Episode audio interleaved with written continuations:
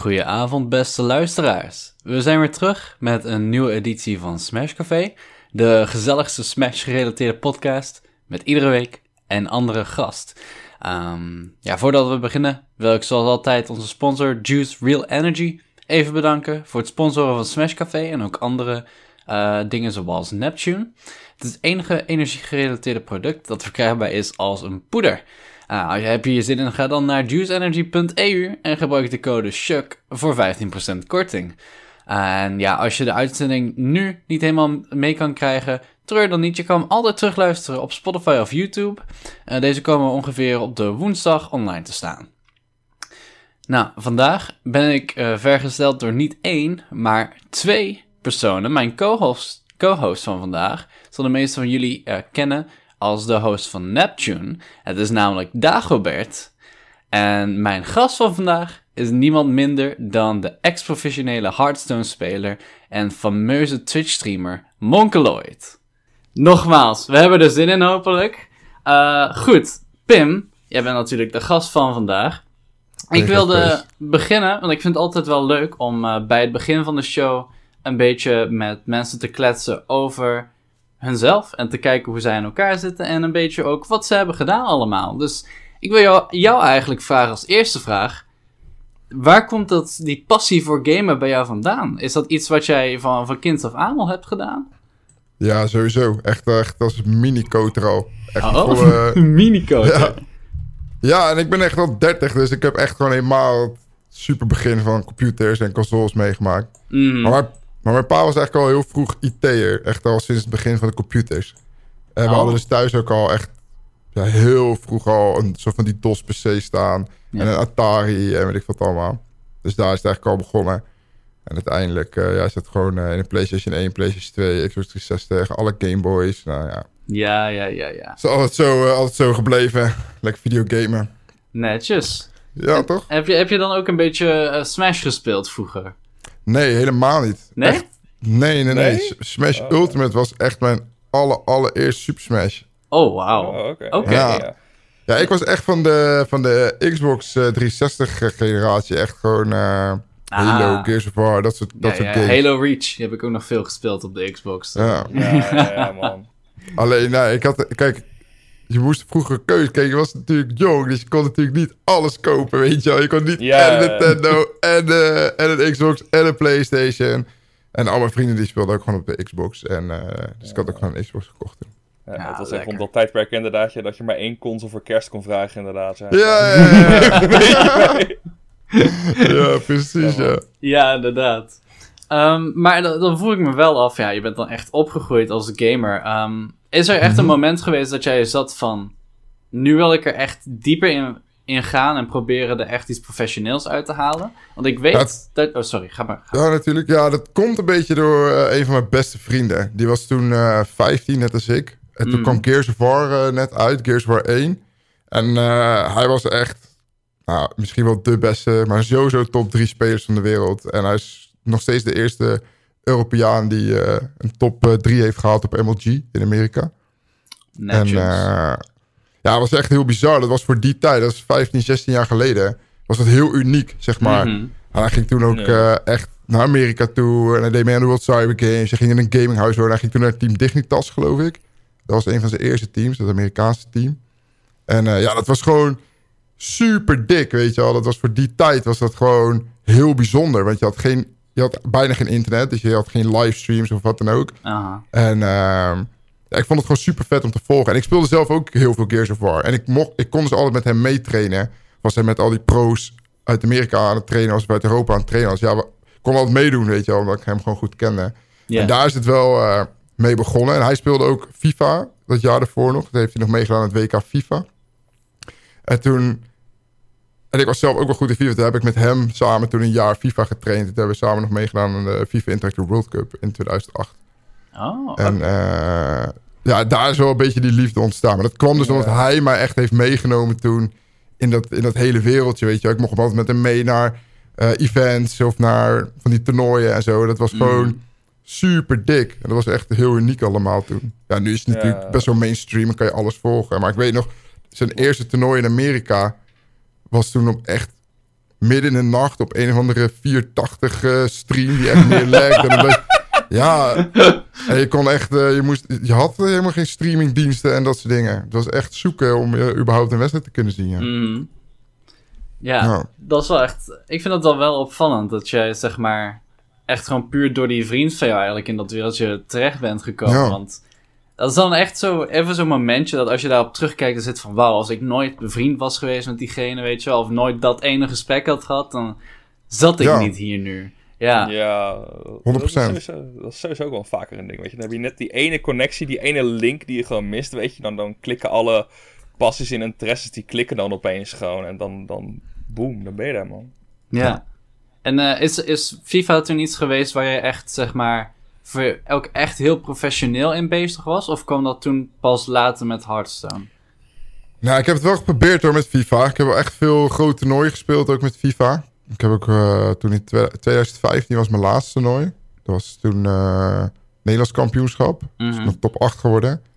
En ik zat toen ook... Uh, ik speelde toen ook met die gasten die nu bij Ajax en Heracles zitten. Brian en Dani. Oh, en, Dani. maar toen speelde ik ook al Hearthstone. En toen moest ik op een gegeven moment een keuze maken. En toen was... In FIFA was gewoon geen geld te verdienen. Plus het niveau in FIFA in Nederland is gewoon dermate hoog. En ik was gewoon niet zo goed als die gasten als Dani en Brian en, en Pasky toen nog. En uh, ja, die waren gewoon beter. Echt. En ja, je kon nooit winnen. En alleen de winnaar kreeg dan altijd een PlayStation. En dat was de enige prijs dat er die er was. Ah, dat, is dus ja, wel, dat is ook wel een aparte prijzenpot dan, hoe dat vroeger ging. Ja, en toen uh, uiteindelijk uh, heb ik toen die keuze gemaakt om maar hard te doen. Maar daar was ik wel gewoon beter in dan in FIFA. Ja. Dus ja, het niveau was gewoon te hoog in Nederland voor FIFA om er überhaupt een zakcentje aan te verdienen. Voor de tijd die je erin moest steken, zeg maar. Ja, ja. nee zeker. Dat heb je nog steeds inderdaad. Nederland in FIFA is echt gewoon nog steeds... Voor mij zijn we nog steeds een van de beste landen in dat spel van de wereld of zo. Is dat echt ja, gek, dat klopt wel hoor. Maar ik denk dat Duitsland en Frankrijk zijn wel... Dat, dat ja. was altijd al zo geweest. Dat was ook al in 2008, in 2009, 2010 ook al. Dus die, de Duitsers, nee, je had natuurlijk die Denen, Agge... Die uh, won altijd echt alles.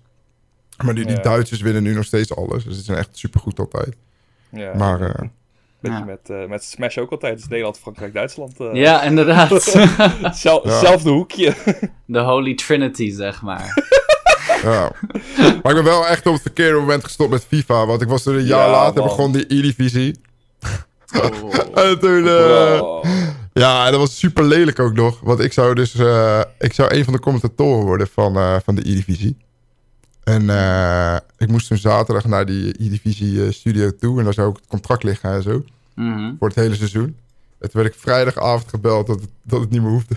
dat was echt lelijk. Oh, wow. Nee, gewoon zonder reden ook. Nee, het hoeft niet meer. Maar toen hadden ze al die, al die bankzittergasten hadden ze last minute geregeld. Ja... Oké, okay, Zoals die ba VV Bas en zo. En uh, ja. Matti en Milo en al die gasten. Zo. Ja, precies. Oh, dat is wel ja, echt, echt uh, flink balen dan, zeg. Zo. Ik moest er tien uur s ochtends zijn, geloof ik. En ik werd echt letterlijk gewoon vrijdagavond 8, 9 uur of zo werd ik gebeld. Ja, het hoeft niet meer, man. Yo. Oeh. Ah, dat is wel heel zuur. Ja, ja, ah. happens. Happens, inderdaad, ja. Maar dan, dan, vind ik het toch wel opvallend, ehm, want ja, FIFA is toch echt een totaal ander soort spel dan Hearthstone. Eh, hoe, hoe kwam jij bij Hearthstone überhaupt dan? ik speel eigenlijk mijn hele leven al wel card games hoor. Ik ben om mm. eh, 12e, 13e begonnen met eh, Yu-Gi-Oh! Oh, ja, dat heb ik ook echt genoeg heel van gespeeld. en dat heb ik eigenlijk ook gelijk competitive gespeeld. Toen ik best wel jong was. Dus mm. toen uh, Nederlands kampioenschappen, Europese kampioenschappen. om mijn 13e, 14e of zo. Je had bij ons een spellenwinkel in, eh, in Amersfoort. En daar ging ik altijd naartoe. Yeah. En daar speelde ik echt dag en nacht. En toen was een keer zo'n qualifier. ik denk dat ik toen 12 of 13 was of zo. En toen, toen won ik die. En toen konden we naar... Toen was het eerste NK was in de jaarbeurs. Er was ook nog met Fox Kids erbij en zo. Oh, wauw. Oké. Okay. was echt super groot. Echt duizend man mee ook of zo. Dat was echt bizar. Flink. was echt super groot.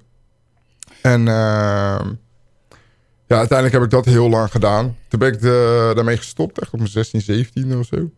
Want ja, gewoon niet meer leuk. Mm. En toen ben ik in mijn studententijd heb ik heel veel gepokerd. Eigenlijk van, 18e tot het 2, 23 of zo. Toen het heel populair was op tv, weet je wel. Toen die EPT's allemaal werden uitgezonden elke dag. Ja, ja, Toen, ja. waren, al- toen speelde echt iedereen online poker. Dus mensen waren echt super slecht online. Kon je echt, ja, dat was echt geld van aftroggelen. Ja, maar ja, wat je toen kon doen, dat, dat kan gewoon nu niet meer. Kijk, als je, toen, ik speelde toen met 12 tafels tegelijk. En op elke tafel zat je met, Oh, vijf, ja. met vijf andere gasten... die gewoon allemaal een paar tientjes op eh PokerStars knalden. En ja, gewoon wilden gaan verliezen, weet je wel. Ja, dat was geen munt, dat was geen Ja, harken, inderdaad, ja. Ja, dat was, maar, als je dat, maar als je dat nu doet... dan Ja. zit je op alle twaalf tafels met dezelfde zes gasten aan tafel. weet je wel, ja. Dus ja, dat is gewoon ook niet echt meer eh rendabel, zeg maar. Maar dat was toen wel, eh, dat was toen wel, ja. Dat is ook echt dag en nacht te klikken. En toen kwam Hearthstone uit en toen zei iemand... Hé hey man, een nieuw card game online gaan spelen. Ja. En Toen ik, was eh, goed. ja, zo is het begonnen. Ik vind het wel grappig om nog eventjes terug te vallen op Ja. Yu-Gi-Oh! Want ik, zeg maar, ik heb dan zelf iets meer ervaring in ieder geval met dat spel. En wat, Ja. ik, wel, wat ik wel heel grappig vind aan die game, zeg maar, want als kind snapte ik natuurlijk de ballen niet van die regels. En het is niet alsof, Nee. het is niet alsof de anime zo goed uitlegde, want opeens vloog er een ridder door de lucht die een kasteel neerhaalde, weet je wel. Ja. Pure onzin. Maar toen heb ik dus, like, ik denk dat dat vijf jaar geleden is of zo, weer eens een keer naar Yu-Gi-Oh! gekeken. En die regels zijn onzin, bro. Er gebeurt zoveel domme dingen. Ja, Ja, je hebt wow. zoveel zieke shit die met die XYZ, sy- synchro summons, Ja. pendulum summons. Ja, ja, ja, ja, Een beurt duurt echt een half uur of zo. Het is Ja, ik, ik, beurt ik- ik- 1, speel vijf beesten, negeer Hoppa. alles van jou. je je, je kan Ja. niks meer doen. Vroeger was het echt zo, ik speel één beestje en turn. Ja. jouw beurt. Benny de ik- Bug ik- face down. Ja, ja, ja. Hell ja. Ja, Ik, echt ik, ik, letterlijk dat. Ik ken dat ook wel heel erg, want ik ben dan eerder opgegroeid met like, de Pokémon trading cards, zeg maar. En, Oh, zo. ja, ja, ja. en, en toen- toen ik daar echt in kwam, was ik echt acht of zo. En ik had die, ik had die dingen echt van, dit zijn gewoon mooie platen. Ik ga me echt niet in die regels zitten te verdiepen, want het wordt zo'n onzin. Ja. En dan, die dingen zijn nu nog steeds bezig. En dan kijk je naar terug inderdaad. Het zijn echt die geoliede machines gewoon. Die voor jou echt die, die Rubik's kubussen van een regel gewoon in één keer eruit pompen per Ja. ja, het is echt heerlijk. En Yu-Gi-Oh! is daar nog gewoon extremer in. Want zelfs de Ja, ja. descriptions hebben Ja. Descriptions. Dat is zo Ja, dat is echt niet maar Ja, echt die rulebooks. Ik heb toen zelf ook nog cursussen gedaan eh, voor Judge en zo. Nou, dat is niet normaal, jongen. Die rulebooks, jongen. Dat zijn echt gewoon honderden boeken die zo dik zijn. Dat gaat echt nergens over. Ja, echt. Iedere kaart heeft zeg maar gewoon een heel rulebook over Ja. alle sequences van alle andere kaarten in het spel en hoe dat dan werkt en zo. Dat verandert ook elke keer. Ja, want het komt ook gewoon door die gekke power creep die dat heeft. Iedere, iedere expansion moet beter zijn dan de vorige, want anders Klopt. koopt niemand het. Nou, anders die met die Ja, kaarten, weet je. ja. Ja, ja, ja. Dat is letterlijk de reden. Ja. Eh, Yep. we moeten- Dus hoe moeten- ouder een game wordt, hoe meer het uit de hand loopt. Ja. Precies. Dat zie je nu ook al in Hearthstone hoor. Als je Ja? die game Ja, ziet ja. vergeleken met drie, vier jaar geleden. Het loopt... Ja, het slaat echt nergens voor. Je kan echt in één beurt heb je hele bord vol liggen met de ziekste beesten. Oh, Ja, ik-. Ik, ik weet nog dat toen zo'n ophef over ontstond. Ik heb ook wel een beetje Hearthstone gespeeld. En toen opeens like, die Cartoon expansion uitkwam, weet je. En toen echt die hele meta opgeblazen werd door dat stinkbeest. Gewoon, omdat zo, je kon met zo'n one-shotten met dat ding. Gewoon. Ja, en die ja, hele meta draaide om één kaart op een gegeven moment gewoon. Het is, Ja, dat- het is echt nog honderd keer erger nu. Ik geloof je graag. ja. Ik Oh, geloof je man. graag wel. Ja, dat klinkt echt heel lastig. Maar ehm, ja, goed. Om eventjes een beetje terug weer on rails te komen, zeg maar. Je bent toen met FIFA gestopt, Hearthstone Ja. begonnen. En Ja. ja. dit was dan eigenlijk waarschijnlijk wel je meest succesvolle punt van je e-sports carrière, neem ik aan. ja, ja, sowieso. Ja, sowieso. Want je, Ja, hebt, eh, je bent onder andere Nederlands kampioen geweest. En, Ja, twee eh, keer zelfs. Twee keer zelfs. Oh, nou helemaal netjes. En je bent ook ehm, naar World Championship in Indonesië toen uitgevlogen. Als ik het goed heb. Ja, de ISF World Championship. Dus niet de officiële Blizzard World Championship. Maar van ISF. was een Oh, ander oké. wereldkampioenschap. Maar Oké. alsnog soort van WK. Was wel vet hoor. Ja, ja dat, dat lijkt me inderdaad ontzettend gaaf. Daar heb je vast wel nog eh, gave dingen over te vertellen. Ehm, maar ja, goed. Ik vroeg me dan af, zeg maar, want je, je bent het spel gaan spelen omdat jij heel veel, ehm, zoals je al zei, ervaring had met kaartspellen en daar had je ook een passie voor. Waren er nog Ja. andere aspecten van het spel waar je zat van, wauw, dit is echt heel cool en uniek en dat heb ik nooit eerder echt gezien? Nee, ik vond juist Hearthstone was echt moker simpel vergeleken met alle andere card games die ik gespeeld had. Dus het was echt... En als je een beetje weet hoe card games in elkaar zitten... en je bent gewoon goed in andere card games... zoals Magic of Yu-Gi-Oh! of whatever... dan is Hearthstone echt peanuts Ja. gewoon. Hearthstone Ah, is echt oké. de simpelste card game ooit. En alles is sowieso geautomatiseerd. Dus je hoeft echt dat, daar al niet over na te denken. Dus je hoeft al die regeltjes niet uit je hoofd te leren... van hoe kaarten werken, zeg maar. Ja. En plus, het was gewoon super basic. Je had echt helemaal geen ingewikkelde effecten. Het was echt letterlijk gewoon... Ik val jouw beestje aan, jij valt mijn beestje aan. En daar hield het echt wel een beetje mee op, zeg maar. Dus Ja. het was echt super simpel eh, om daarin te komen. Dat je dan eh, zeg maar weet hoe, je card, hoe card games werken... en hoe je in een card game kan winnen en dat soort dingen. Ja, dan, het was echt super simpel om Ja. daar eh, snel goed in te worden. Ja, oké. Dat is wel grappig, want zeg maar, als jij kijkt naar ehm, fighting games, zijn mensen die daar veel ervaring in hebben, die hebben het vaak over fundamentals. Dus zeg maar, het opbouwen van skills die je naar andere fighting games ook weer Ja. zeg maar, mee kan nemen. Maar dat is eigenlijk wat jij ook ervaarde met card games. Ja, ja, zeker. Ja, je moet eigenlijk bedenken als je bijvoorbeeld Super Smash speelt... een hele complexe fighting game... Mhm. En dat je dan naar een fighting game gaat waar je alleen kan schoppen en slaan. Zeg maar. Ja, nee, maar zo, is het een beetje. Zo kan je het een beetje Ja, vergelijken. Ja, En ja, ja. omdat je dus al die skills hebt in veel moeilijkere fighting games... waar je echt veel moeilijke dingen moet onthouden... en honderdduizend dingen moet weten... en je gaat naar een fighting game waar je maar honderd dingen hoeft te weten... in plaats van honderdduizend... ja, dan word je er automatisch veel sneller beter in.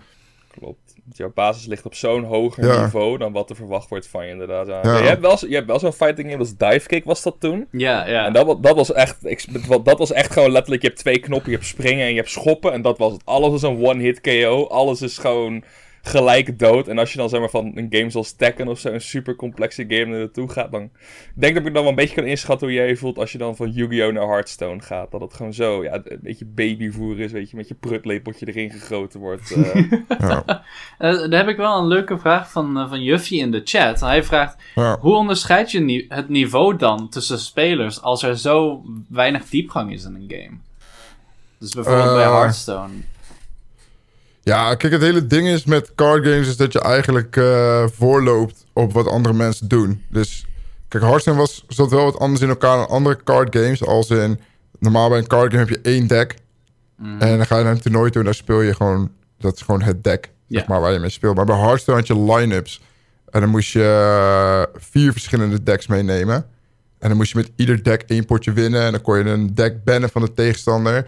Zeg maar, het uitspelen van de Hearthstone game... van A tot Z, zeg maar, tijdens het spelen... was denk ik echt 10, 20 procent van het winnen van je game, zeg maar. Oh, nou, misschien, misschien 30, weet je. Maar zeg maar, de, de, het, het meeste waar je op kon winnen was gewoon goede decks bouwen en, line, en goede strategie in je line-ups hebben. Oké. En echt scouten van, oké, wat doen mensen, statistiek erbij halen. Nou, we hadden echt hele Excel-sheets met alle line-ups, met, met alle kaarten, hoeveel winpercentage elke kaart had en zo. En daar maakten we een line-up op. En, eh, en dan ging je naar een toernooi toe. En nou, als iemand, als we dan konden voorspellen van mensen gaan deze deck spelen, dan hadden wij gewoon een hele counter line-up ervoor gebouwd. En dan Oh, dat is wel sick.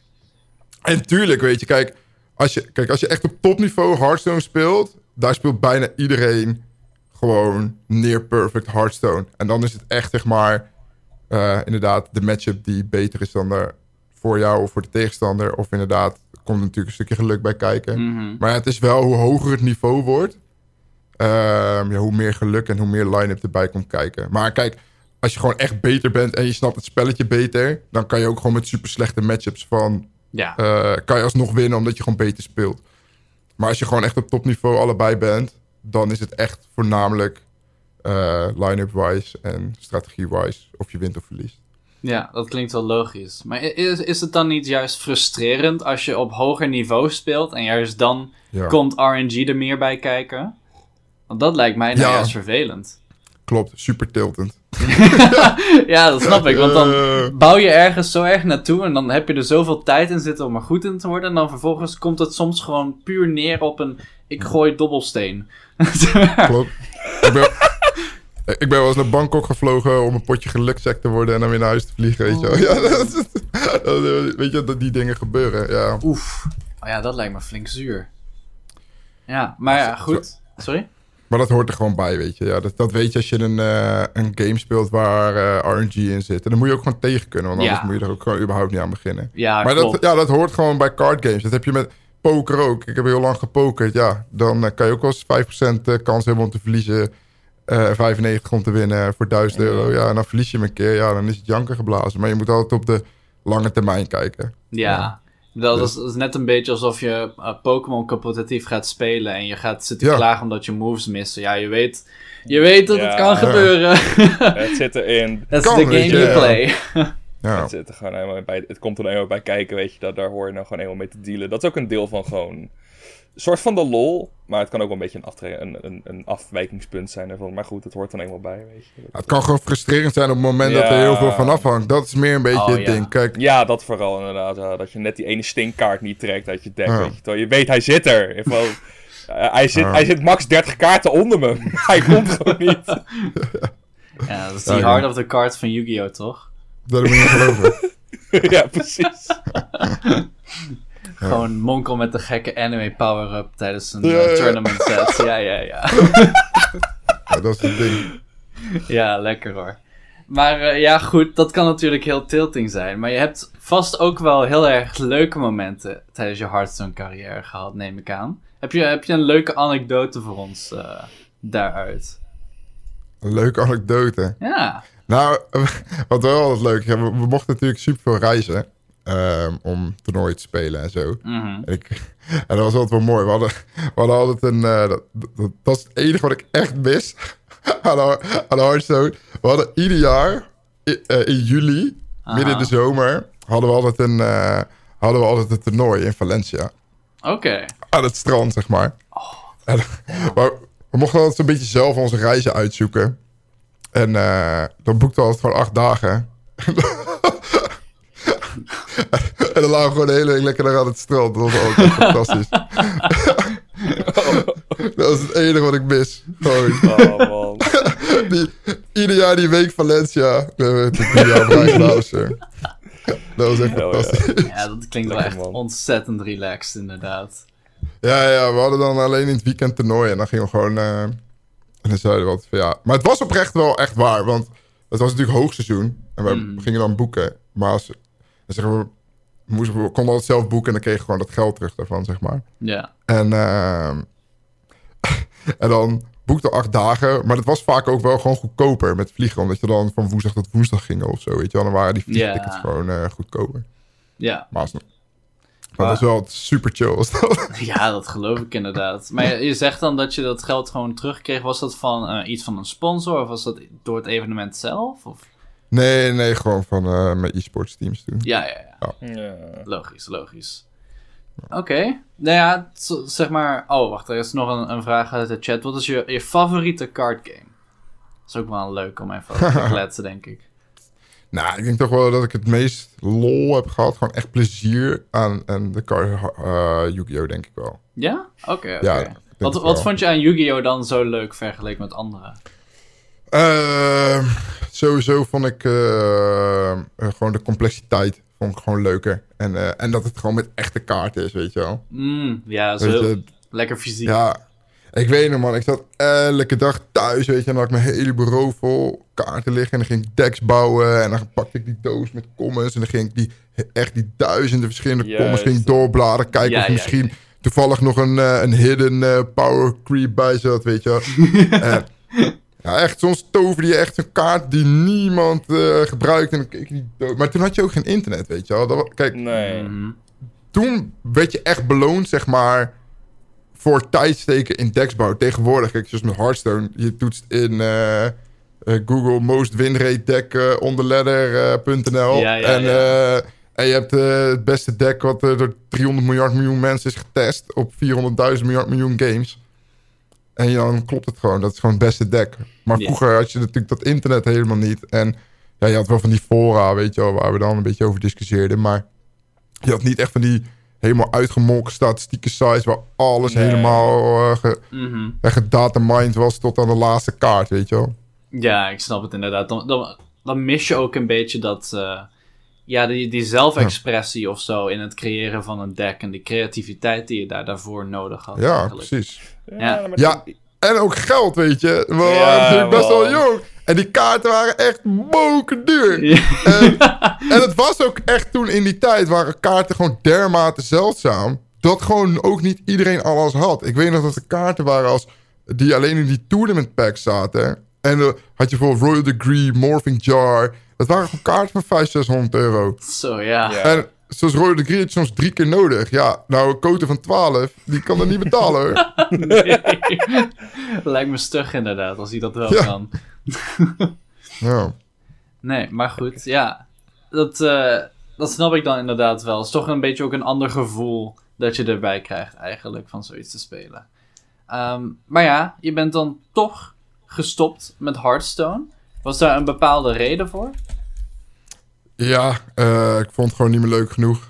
Eh, het verdient te weinig. En ik ben gaan werken. dat was eigenlijk gewoon... eh, Ja, Ah, fair, ja, fair enough, ja. heel, heel simpel inderdaad. Ja. Dat was eigenlijk wel gewoon de main reason hoor. Ik eh, Mhm. had het, ik heb het denk ik drie, vier jaar lang bijna full, nou, bijna vier jaar fulltime gedaan of zo. Drieënhalf. Dat is flink inderdaad. Ja. En eh, ja, het verdient gewoon geen pepernoten. En eh, het is gewoon alleen maar strijden. Echt twaalf per dag spelen. En eh, op een gegeven moment was ik ook klaar met studie en zo. En toen dacht ik van, nou ja, ga gewoon een baan zoeken. En toen had ik binnen een week een baan gevonden. En toen dacht ik van, nou ja, ik ga gewoon werken. En toen dacht ik, laat het game helemaal achter me. Maar dat is niet helemaal gelukt. nee, daar komen we nog wel op terug. En nu ben ik toch ook wel benieuwd, als je toch even benoemd hebt. Wat voor studie heb je gedaan? Eh, logistiek en economie heb ik gestuurd. Ah, ja, daar kom je wel makkelijk mee aan een baan, lijkt me, ja. Ja, ja was, er was geen uitdaging meer. Nee.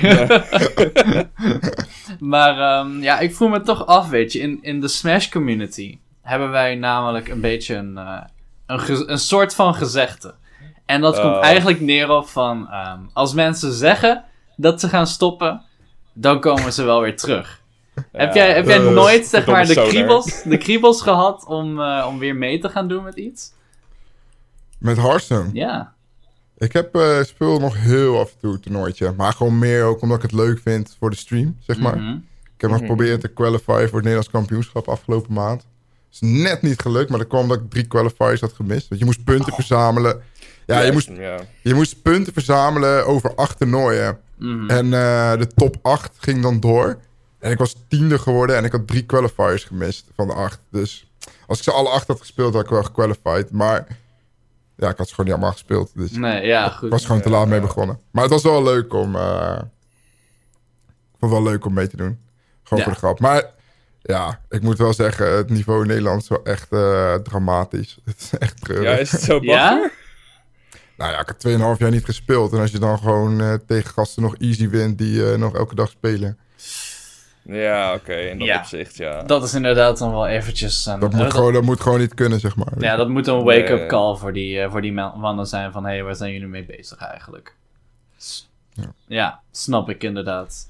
Maar eh, je denkt dus niet dat je nog echt weer eh, terug gaat doen aan het echt competitief Hearthstone spelen? Nee, nee, echt nooit meer. Echt, Oké, echt nooit. Nee. nou, oké. duidelijk, duidelijk. Ik voer het me gewoon af, weet je. Het, het kan altijd, het Nee. kan altijd. Maar eh, ja, wat, wat ik mij afvroeg, want daar kon ik eigenlijk niet zo heel veel informatie over vinden, is... Je bent ook als ehm, caster, heb ik jou in ieder geval vaak te werk zien gaan bij bijvoorbeeld eh, Red Bull Strijders en volgens mij ook een keertje bij Dutch Comic Con. Eh, Ja, eh, klopt. Ik vroeg me af hoe jij een beetje in dat wereldje beland bent van eh casten voor dat soort evenementen. Ja, het is eigenlijk begonnen met Hearthstone ook. Ik ben commentaar gegeven in het Engels Aha. in Hearthstone. Eh, gewoon eerst gewoon bij de Nederlandse events. En uiteindelijk wilde ik daar wat meer mee. En dat ging eigenlijk best wel goed. En eh, toen ben ik gewoon, eh, en dat is ook een tip voor iedereen als je ambities hebt in het casten of wat dan ook. Ik ben gewoon mijn eigen toernooi gaan organiseren. Mhm. En daar commentaar over gaan geven. En ik kende natuurlijk al die topspelers gewoon. Dus ik kon gewoon al die gasten van G2 en van Cloud9 en weet ik veel allemaal. Die vroeg ik gewoon, joh, doen jullie mee? En dan organiseer ik gewoon een toernooitje ja. met die gasten. En dan liet ik hun spelen en dan ging ik daar zelf commentaar bij geven. En ik deed het samen met iemand anders, eh, Derek eh, Brown. Ik weet niet eh, of mensen Hearthstone volgen, maar hij is nu gewoon fulltime Blizzard caster. Oh, wauw. Oké. En dat ben ik gaan doen. En uiteindelijk ben ik toen ook een keer... toen heeft iemand van Blizzard dat ook wel een keer gezien. Dat ik daar zoveel tijd en energie in stak. En ik was natuurlijk ook op al die events waar al die gasten ook waren natuurlijk. Het hebben ze ook wel eens gevraagd voor de WSG. En ik heb wat eh, qualifiers gedaan voor Blizzard toernooien. Nooit een main event helaas. Ik heb wel eens op eh, majors eh geco-host. Of Mhm. geco-cast, zeg maar. Ja, ja, ja. Vaak mochten dan spelers gewoon even meecasten, zeg maar. Dus dat is wel, dat is wel regelmatig gebeurd. Ja, dat was gewoon superleuk. Ja. En toen uiteindelijk, in, toen ik naar Jakarta mocht... Er was toen, er was toen een programma op Fox. Mhm. eh, Inside Esports. Ik weet, dat kennen jullie vast ook wel. Dat is ook veel op Twitch. Mhm. En eh, die, die gast die dat programma maakte, die was ook in Jakarta. Want die maakte daar over het League of Legends team een programma. Toen ik daar was, als speler. En ik zat toen met hem, en toen zat ik met hem in de kroeg. En eh, toen zei hij van, ja, ik weet niet. Ik wil je wat hebben. Zou je het leuk vinden om je eigen stukje over e-sports in ons tv-programma te hebben? En dan mag je gewoon een filmpje maken en dan mag je het presenteren. Maar ik had echt, zin- ik maak geen grap. Ik, heb, ik kon dat helemaal niet. Ik heb nog nooit gepresenteerd. Ik had echt nog nooit ge- gefilmd. Niks. Dan Dus, opeens word je daarvoor gevraagd. Ja, ja, dus Ja, ja, van, ja, ja, ja. ik wil het best doen, maar... eh, zeg maar, ik kan dat helemaal niet, weet je. Hij zei, joh, boeit niet, maakt niet uit, doe gewoon, maakt niet uit hoe slecht het is, we verzenden het gewoon uit. Nou, echt jongens, ik heb echt video's gemaakt. Oh. En dat is Ja. uitgezonden op tv, dat is, was zo pijnlijk. Dat was zo, Oh, zo pijnlijk. Oh. eh, Dat was, niet, dat was niet normaal. Dat was echt... Dat dat het daglicht heeft gezien, is gewoon echt... Dat kan gewoon niet. Maar uiteindelijk, het kon- die kans heb ik wel gekregen om die fout te maken. En toen hebben we echt superveel, eh superveel geleerd met hoe je in de camera praat en hoe je, Mhm. eh, hoe je kan opnemen, hoe je moet presenteren. En ik heb dat toen jarenlang gedaan. Uiteindelijk ben ik zelfs, heb ik dat programma echt als main host gepresenteerd nog. Eh Counter-Strike competities, League of Legends competities. Eh. Ja, en ik heb gewoon een super groot netwerk ook binnen de, binnen de game scene. Dus op een gegeven moment waren er ook gewoon inderdaad events als Dutch Comic Con of ISL of weet ik veel. Ja. vroeg ook altijd van, hey, we zoeken nog iemand die het een beetje aan elkaar kan ouwe hoeren. En je Ja. is- kan wel aardig slap ouwe hoeren, dus kan je alsjeblieft eh, dat doen voor ons. Ja. ja, toen Ja. ja, het is ook een, een beetje mensen kennen en gewoon veel eigen initiatief tonen. Weet je, je moet, eh, ja, als je gewoon eerst zelf begint, als je iets wil. Kijk, mensen gaan niet naar jou Mhm. toe komen. Van, hey, wil je dat doen? Nee, je moet inderdaad wel zelf even eh, laten zien Ja. dat je beschikbaar bent voor dat soort dingen. Dat je inzet toont Ja. en zo. Ja. Ja, en Ja, als je dat- niet gevraagd wordt, dan moet je het zelf maar gaan doen, weet je. Ja, Ah. precies. Dat heb je nu inderdaad, want met de Smash hebben we dat nu ook heel erg, weet je. Het is zo makkelijk om gewoon eh, iets zelf iets te organiseren, al is het gewoon een klein invitation met je vrienden of zo. Weet je. Nu bijvoorbeeld eh Ja. Giraffe, Ultimate Giraffe is met een Amiibo-toernooitje bezig, heeft hij zelf opgezet. Ja. En daar Ja. zie je ook gewoon mensen aan, het- die, die zet hij gewoon op de commentary van, ga het maar gewoon doen. En dan geeft hij zelf commentary. Het is inderdaad gewoon een ideale plek, weet je, als niemand je wil hebben. Nou, ja, ik kan mezelf niet weigeren als host, weet je. Dan, dan doen we dat maar gewoon. Dus in dat opzicht herkennen is, is het wel een, een ding waar ook andere mensen nu een beetje mee aan het beginnen zijn. Het is ook gewoon de beste optie, weet je. Je moet, je moet iets. Niemand, als jij nog niks gedaan hebt, gaat niemand naar je toe komen van... Yo, jou wil ik hebben, tenzij je daarvoor al, wat jij al zei, weet je... Ja, dus Die bekendheid hebt gekregen. Mhm. je zal zelf even een beetje een eh, cv moeten opbouwen met eigen of een eigen portfolio is het meer. Hè? Van Ja. hey, dit en dit heb ik al gedaan. En eh, ja, mensen willen vaak ook wel wat zien en horen als, je, als ze je vragen. Ja, ja, Gewoon als je een niks soort kan laten zien. Ja, ja. ze- Zeker. Ik voel me wel af, eh, kunnen we nog ergens die eerste uitzendingen terugvinden? Gelukkig, gelukkig. Gelukkig niet. Jammer hoor. Ja, dat was echt weer pech dit. Die staan Ja, er is met dat voor 24 tussen? wachtwoorden vergrendeld op mijn PC, eh, die video's. Gewoon, als, al, gewoon als je huis ontploft, je, zo'n zwarte doos, weet je, waar al je Oh, diepste geheimen... En dan ligt gewoon een videoband met dat Nee, het was programma. echt heel pijnlijk. Het was echt heel pijnlijk. Oké, oké, ja. Fair enough, weet je. Ik denk, ik vraag het bij even, misschien. Oh man.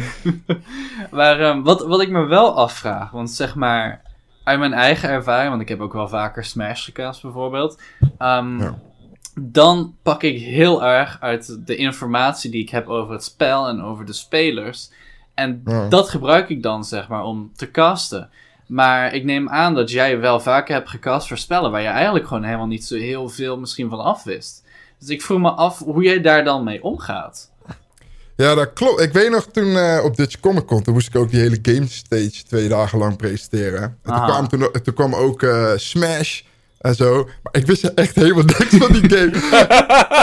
dus ja, weet je, eh, ik zat echt de domste dingen te zeggen. Als van, oh, hij is weer een leven kwijt en eh, oh, hij slaat op de map. Ja, weet je, het is een stage, Ja, ja, ja, stage. ja, ja. Oké, nou, sorry, weet je wel. Ja, Ja, maar ja, het is ook maar gewoon een beetje hoe je het brengt uiteindelijk. Het, ja. Kijk, Ja. mensen willen gewoon, als ze ergens naar kijken, gewoon iets horen. Weet je wel? En ik denk niet dat het heel veel uitmaakt. Ik denk serieus, als je Lumpia Kroket een beetje enthousiast zegt, dat het ook prima is. Weet je wel? Ja, mensen willen gewoon er naar kijken terwijl er iets in hun oor geblerd wordt. En dat er een beetje... Ja, eh, dat het niet een- alleen een statisch een game is of zo. Aha. Ja, nee, ik vind Ik- het ook altijd zo magisch als ik het met Bart over dan... Of Bartgene dan over Smash heb, weet je. En dan heb ik het over... En dat is ook van, ja, die champions, weet je. Is ook van, oh man, deze pijn, man. deze pijn. Ja, ja, ja, dat ken ik ook wel van genoeg vrienden inderdaad die dat zo zeggen. Ja. ik heb met Bart ook nog dus Hearthstone gecast. Voor Ja. ISL. Ah. samen. Maar hij wist dus ook heel weinig van Hearthstone. en hij, en dat was, maar hij zei ook van ja, ik lul maar gewoon een beetje slap. En als, en als dan niet klopt, dan moet jij het maar gewoon aanvullen, weet je wel. Ja, dat, was, Ja, precies. ja, Ja, dat is wel, mooi. Ja, dat is ook wel een- eigenlijk iets wat je wel vaker in e-sports ziet. Dat je één iemand hebt die gewoon een beetje de high play-by-play doet. En de ander die Ja. het meer echt analyseert, zeg maar. Eh, ja. Maar ja, dat is wel lastig als je dan helemaal in je eentje op zo'n stage staat. En je moet dan eh, zelf de Ja. show, zeg maar, bouwen. Dat lijkt me wel een flinke uitdaging. Maar weet je wat het beetje het ding is? Kijk, jullie als Smash-spelers eh, weten dermate veel van de game. Is dat het, dat het gewoon opvalt op het moment dat mensen dingen zeggen die niet kloppen. Of ehm, als het niet helemaal... Kijk, jullie, jullie zitten er zo diep in dat je gewoon iedere move is... eh, up B, side B, eh, Ja, down, ja, ja. fair, nair, Ja, ja, ja, back air. Echt de ziekste termen heb je allemaal. Maar je moet ervan uitgaan dat 99% die zit te kijken... Ja, die heeft echt geen idee wat een fair of een bear of een nair of een dare of wat de fuck je allemaal nog meer hebt. eh. ja, ja dat, die hebben echt geen idee waar je het over hebt. klopt, het grote gedeelte, zeg maar. Weet je? Dat, Ik Mm. denk dat de meeste mensen die gewoon naar zo'n wedstrijd zitten te kijken... die willen gewoon twee gasten zien die supergoed zijn. En er een commentaar bij hebben. En die zitten er natuurlijk nooit zo diep in... als de mensen die het zelf spelen. Ja, dat is natuurlijk ook wel een beetje. Dat ligt er wel aan waar je bent. Eh, want iets iets zoals Dutch Comic Con, inderdaad. Dan heb je wel zeker gewoon. Dan zitten er echt gewoon. honderd mensen in dat publiek die echt helemaal niks snappen van wat er überhaupt aan de hand is, zeg maar. Ja, die wisten nog minder dan ik wist. Ja, precies. Ja, precies. Ja. Ja, dus- Nee, tuurlijk, tuurlijk. Kijk, als je Evo eh, cast, ja, dan, kan je, dan kom je er niet Ja. meer weg, inderdaad. Dat, eh, mhm. dat je echt niks van de game weet. Maar, en dan denk ik alsnog dat de meeste mensen die daar zitten in het publiek... het ook niet eens zo heel veel uitmaakt. Of er nou een nair of een bear of een fair of wat je allemaal nog meer Nee, hebt. eh. zolang het maar gebeurt, hype is en interessant. ja, ja. Precies. En een beetje moet- in-depth informatie over de speler en weet je wel, dat soort dingen. Ik Ja. vind er juist vaak ook juist een beetje die achtergrondinformatie over wat spelers gedaan hebben. En Ja. hoe ze in de finale zijn gekomen en hoe goed ze eigenlijk zijn. Is het een, eh, iemand die eigenlijk altijd wint? Weet je wel, dat, dat vind ik bijvoorbeeld persoonlijk leuker om naar te luisteren dan dat iemand eh, alleen maar eh, roept wat gebeurt. Weet je Ja. context Dat, kan- want dat, nee, maar wat, dat kan ik zien, Ja, snap je? ja, weet je ik, ik kan zien dat hij zijn zwaard slaat, ja. Ja, het, het is inderdaad een beetje het verschil tussen gewoon like, een context creëren voor, voor een, situatie die zich afspeelt. Of het nou een grand finals is of niet, weet je. Of dat je een audioboek aan het luisteren bent omdat je je stream op een ander tabblad open hebt staan. ja. Maar dat, dat merk je ook heel erg. Er zijn ook casts die daar heel erg gespecialiseerd in zijn. Ik weet bijvoorbeeld als een, een Smashcaster neer. Ja. Die is heel erg gespecialiseerd in het analyseren van, van matches die opkomen. De track record van de tegenstanders gewoon natrekken. Kijken hoe goed ze het doen, weet je. Dus dat heb je ook wel, wel daar inderdaad. Maar dat is zo'n... Ja, dat is gewoon een specialisatie voor, voor sommige mensen. Want het is zoveel info om bij te houden. Klopt. Ja, ik Mhm. nam het altijd mee als ik ging eh casten voor Hearthstone. Helemaal als ik buitenlandse events deed. Dan ging ik gewoon al hun toernooien van die spelers die dan... Ik moest shoutcast, ging ik nakijken wat ze de afgelopen tien toernooien gedaan hebben. eh, wat hun winpercentage waren, welke decks ze het mee spelen. Weet je wel? En dat schreef ik gewoon op en dat had ik gewoon allemaal bij in een, in een schrift. En dan, als er gewoon even de- dead time was, dan kon je dat... Weet je wel, dan kon je dat gewoon vertellen. Ja, ja. Ik kan me ook nog wel herinneren dat je dat bij, eh, bij een van die Red Bull strijders heel erg deed. Ehm dat was volgens mij die, die, die Invitational. Toen Ja, eh, ja, ja. Meru uiteindelijk had gewonnen, maar daar was hij Studying en Space en zo waren er ook bij. Zo had je Klopt, volgens mij ook heel erg eh, echt goed ingelezen. Dat kan ik me nog wel herinneren. Ja, ik had wel wat. Ik wist, ik ging dat doen, maar ik wist natuurlijk heel. Kijk, ik wist wel, omdat ik zelf een beetje Smash had gespeeld toen de tijd al. Mhm. Toen wist ik een klein beetje hoe die game in elkaar zat. En ik had eh inderdaad gewoon even wat research over die gasten gedaan. En je kan gewoon die namen googlen. En je kan best wel een hoop vinden van die gasten. Ja. En, ehm, maar dan heb je in ieder geval ook wat te vertellen, weet je wel. Anders is het ook... eh, je, je bent snel uitgeluld als je de hele dag moet praten. ja. Maar het, het is Ja, ook weet ik. heel, Ja. het, het is heel Ja. erg vermoeiend. Want je moet ook on the spot moet je alles omzetten in iets wat zeg maar niet constant hetzelfde is. En dan, dan Ja. je wordt er zo kapot van op een gegeven moment, jongen. Ja, en wat ook gewoon heel ra- raar was. Er was letterlijk, ik weet nog dat ik daar kwam. Gewoon de allereerste, de eerste, ik moet, er waren drie Red Bull strijders geloof ik. Twee qualifiers in de finale. Kan, volgens mij was dat het toch? Voor die, eh, Ja, ja, volgens mij wel? Ja, ja, ja. Ja, toch wel twee. Maar ik ben er drie keer geweest. Ik kwam daar binnen. En ik kreeg gewoon een microfoon in mijn handen. Succes. Letterlijk. Ik wist, ja, ik wist niet eens wat, hoe het toernooi in elkaar zat. Ik wist niet eens hoe de bracket gespeeld werd. Ik wist niet wie er meededen. Ik wist niet wat er ging gebeuren. Ik wist niet wat de prijzen waren. Ik wist het script niet. Ik wist niet eens hoe laat de wedstrijden waren. Ik wist helemaal niks. Oef. Weet je wel, ik kreeg... En ik moest er toen echt om 9 uur ochtends zijn. Ik dacht, nou, dan krijg je gewoon een briefing. En dan krijg je gewoon een Ja, script precies. voor de dag. En een, een Aha. draaiboek. En. Ja, ik vind dat vrij normaal op zich als je zo'n event eh, de hele dag doet. Ja, Maar vooral als je echt- echt gehuurd wordt om het te casten, zeg maar. Ja, Ja. vooral dat, weet je wel. En je werd, ja, ik werd gewoon een beetje in diep gegooid. Ja, kijk, en uiteindelijk komt het allemaal weer goed. Maar het is wel... Het, het Ja, maakt het niet... Het maakt het altijd een beetje klungelig of zo, weet je wel. Ja, Was ik echt van, ja, ja, je moet nu dan even dit zeggen. Ik zei, ja, oké, Ja. maar oké, dan ga ik daar wel weer staan. Maar Ja. ja. het was handig geweest als je dat van tevoren had geweten, weet je wel. Ja. Dat Doe me heel erg denken aan. eh er was toen bij de originele Rick Ashley, weet je, had je dat nummer Never Gonna Give You Up. En die videoclip daarvan is echt zo'nzelfde soort verhaal, weet je. Want ze hadden die guy gewoon opgebeld van: Yo, weet je, dit gaat gewoon Ja. hit worden. Kom je naartoe, neem gewoon wat danspasjes op en dan wordt het een videoclip. En de helft van die videoclip is gewoon Rick Ashley die behalve paniekaanval heeft. Gewoon Ja. geen idee wat hij moet doen. Zo'n soort verhaal komt een beetje op neer, inderdaad. ja. Oké, Maar dat was op Dutch, eh, op Dutch Comic Con was het net zo toen. Ja. Ik moest toen eh, die, die stage presenteren. En ik kom daar op eh, zaterdagochtend. Echt ook om 9 of 8 uur 's ochtends al. En het ging om 10 uur open of zo. En ik, loop, ik wist niet eens waar ik heen moest. Dus ik loop naar het podium toe. Ik zei, yo, eh, er stond zo'n eh, zo'n regiegast stond daarachter. En hij zei van, yo, weet jij wat gaat gebeuren vandaag? Ik zei, nou ja, ik had eigenlijk gehoopt dat jij dat zou weten. Hij zei, ja. ik heb niet eens een eh, tijdschema. Ik weet niet welke gasten er komen. Ik zei, maar jij moet toch alle eh, video's instarten? Ja, ik heb wel wat USB-sticks, maar ik heb verder ook, eh, verder ook geen oh idee. mijn god. Oh, er is hij weer. Oh, we zijn nu wel ongewisseld. Ja. Je kan, Even- Oh, het is- Nee, I'm fine, I'm fine, I'm fine, I'm fine, I'm fine, I'm fine. Ja. En ehm, ja, echt dat soort dingen. En dan denk ik echt van ja, ik wist echt oprecht niet welke gasten er kwamen. Toen heb ik gewoon letterlijk bij, eh, bij de ingang ben ik het programmaboekje gaan halen. om te kijken wie er, wie er gewoon kwamen, weet je wel. Ja, Ja, ja, ja. ja dat is echt ziek als dat. Ja, en ik weet ook nog dat eh, ik had toen ook echt een paar uur, had, was er niks. Toen ben ik naar die Nintendo gasten gelopen. Ik zei ja, kunnen we misschien even Mario Kart op het podium of zo? Hebben jullie een Switch voor me? Ja, het was echt... ik vond het al... Ja, ik vind het altijd wel bizar, joh. Ik vind het... Maar dat is gewoon... Ja, ik weet niet. Het wel een beetje gaming scene Nederland. Maar ik vond het ook wel weer... Ja, het heeft ook wel weer wat of zo. Ja, Ja, nee, ik- het, het sorry? Gang. is een soort charme, weet je. Het is, al- Ja. het is allemaal nog die babyschoentjes. Gewoon. Ja, ja, ja. Dus, ja, what the fuck.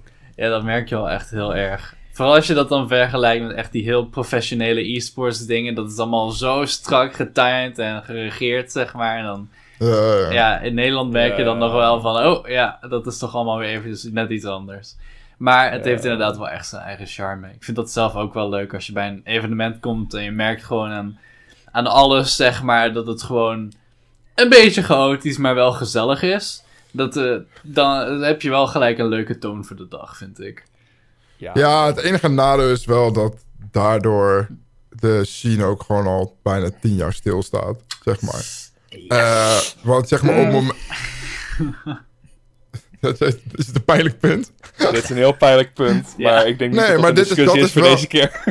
Nou ja, ik, ik, ben, ik ben ervan overtuigd dat het daaraan ligt ook. Omdat zeg Ja. maar, op het moment dat je eh, als bedrijf eh, naar daarheen loopt... en je ziet een, eh, een livestream... en het eerste wat je hoort is een klippende microfoon en een, en een webcamcamera... Ja, nee, maar, nee, maar even eerlijk. Nee, maar dat, dat is wel gewoon hoe 99% ongeveer van alle streams er- eruit ziet in Ja, Nederland. ja, ja. En Ja, ja, ja. Die zien dat. Daar, die gaan echt niet denken, zo, nou, daar ga ik toch even een zak geld vertrekken. Weet je wel? Ja, dat gaat gewoon niet Ja, gebeuren. nee, zeker man. Nee, maar dat, dat hebben we ook met Smash Your gehad, weet je. Er was dan een, een zekere venue in Alphen aan de Rijn, wiens naam ik niet zal noemen, die dan elke keer, zeg maar, die hosten doen locals voor Smash, weet je. En op een gegeven moment kwam het tot het punt waarop die stream... Dat was een gepartnerde stream, right, weet je. En het was op een gegeven moment zo bagger, dat het audio van de game liep een seconde achter, en de casters hoorde je maar in één oor, weet je. En dan, Ja. ja, dan groeit het ook niet, weet je. Dan wordt het ook uiteindelijk helemaal niks. Want als, je- dan, dan is je productie gewoon... Ja, dat is gewoon het budget van twee van die platgedrukte Madurodam muntjes, weet je. Daar kan je gewoon Ja. geen e-sports zien op laten groeien. En dat, dat, ja, dan blijf je zien stilstaan voor zo lang. Ja, maar eh, we gaan hier nog op terugkomen. Dit is een onderwerp dat, ik, eh, dat ik voor iets later op, eh, op de, uit, de, zeg maar, de podcast had eh, ingepland. Maar al wel, wel een leuke teaser alvast. Ehm, ik, ik, ik wilde je in ieder geval nog vragen. ehm, hoe voor jou, zeg maar. Niet eens per se als speler, maar je mag het ook als speler beantwoorden. Hoe jouw droom e-sports game eruit zou zien. Als dat Maar- zeg maar echt een game waarvan jij zit van daarvoor. Ik ga gelijk all in. Ja. Dan moet eh 15 jaar terug in de tijd en dan moet Halo 3 weer populair worden. Dat is gewoon nog steeds de allerbeste Ja? e-sports game ooit geweest in de historie van e-sports. En ik kijk echt al heel lang e-sports. Ik heb alles gevolgd, zo'n beetje elke game. Eh, maar gewoon MLG Halo 3. Ik denk gewoon Mm, niet dat daar ooit nog eh, iets overheen gaat.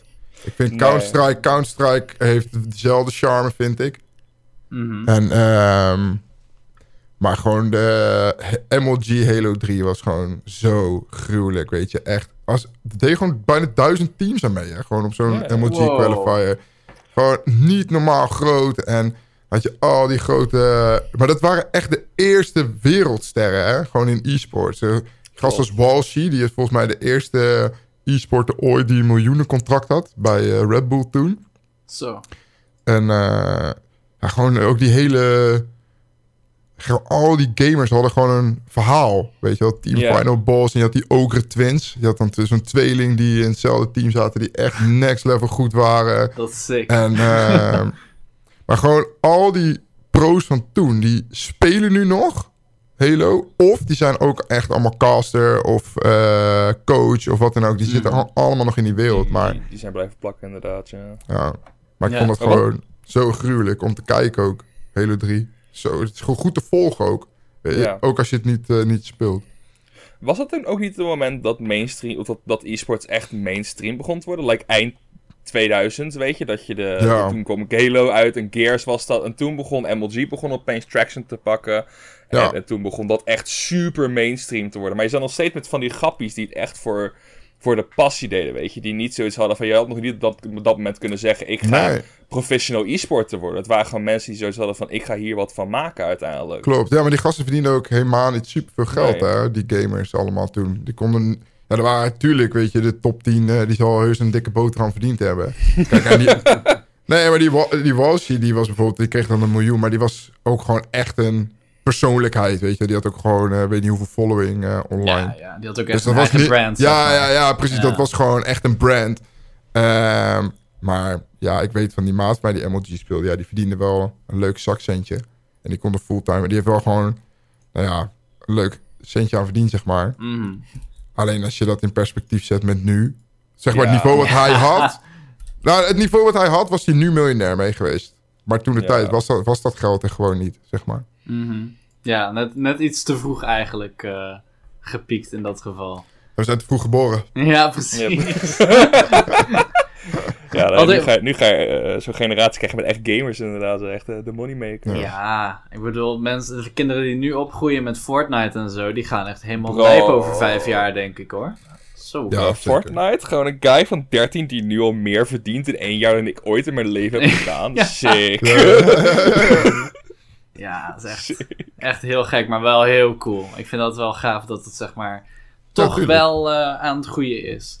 Maar Ik, ik vind het zelf wel grappig dat je MLG noemt. Want zeg maar, ik heb dan nooit echt dat zo meegekregen. Ik was toen, ja, ik ben acht jaar jonger dan jij, dus eh er zit toch nog wel een verschil. Ehm, maar ik, ik weet nog wel in die tijd goed dat ik dan ehm, gewoon op YouTube keek en zo. En dan waren er van die filmpjes die dan zeg maar, weet je wel, MLG memes of zo, weet je wel. Even die heel erg overdone edits en mensen die de hele tijd zo in, in de microfoon zaten en. Ja, Ja, daar, moest ik, daar moet ik gewoon gelijk aan denken zodra ik MLG hoor. Maar ja, dat, Ja. ik kan wel echt geloven dat dat sikke tijden waren, ja. Ja, en had je ook altijd die top plays. Yo, my name is Chris Bucket. Welkom bij de MLG Big Plays en zo. Ja, ja, ja, ja, ja. ja. Oh, die grapjes, jongen. Allemaal zo lekker onzeker en zo kneuterig nog allemaal, jongen. Heerlijk. Dat was echt supergoed. Ja. Maar ehm, ja, we zijn toch wel eh, een beetje bij het onderwerp eh, aangebroken, boys. Waar we toen net eh, langzaam aan een beetje hadden aangesteden. En dat gaat dan toch wel over ehm, e-sports in Nederland. Ehm, en het is een beetje een, een heel grote vraag. En we hebben het er ook al stiekem een beetje over gehad. Maar wat, wat vind jij van de huidige staat van e-sports in Nederland at the moment? Heb je het tegen mij? Ja. Eh wil je mijn politiek correcte antwoord op? Ik wil, ik wil je eerlijk antwoord hebben. Eerlijk antwoord. Ik vind het echt eh ultim, ulti- ultimate treurig, vind ik het op het moment. Ja, het is echt eh, diep en diep triest. En dan niet eens per se, neem ik aan, omdat redelijk wat dingen stil liggen door corona, maar ook gewoon door andere Nee, dingen. gewoon Nee. Al, al, heel, al jaren. Het schiet gewoon niet op. En eh, het is super onprofessioneel allemaal.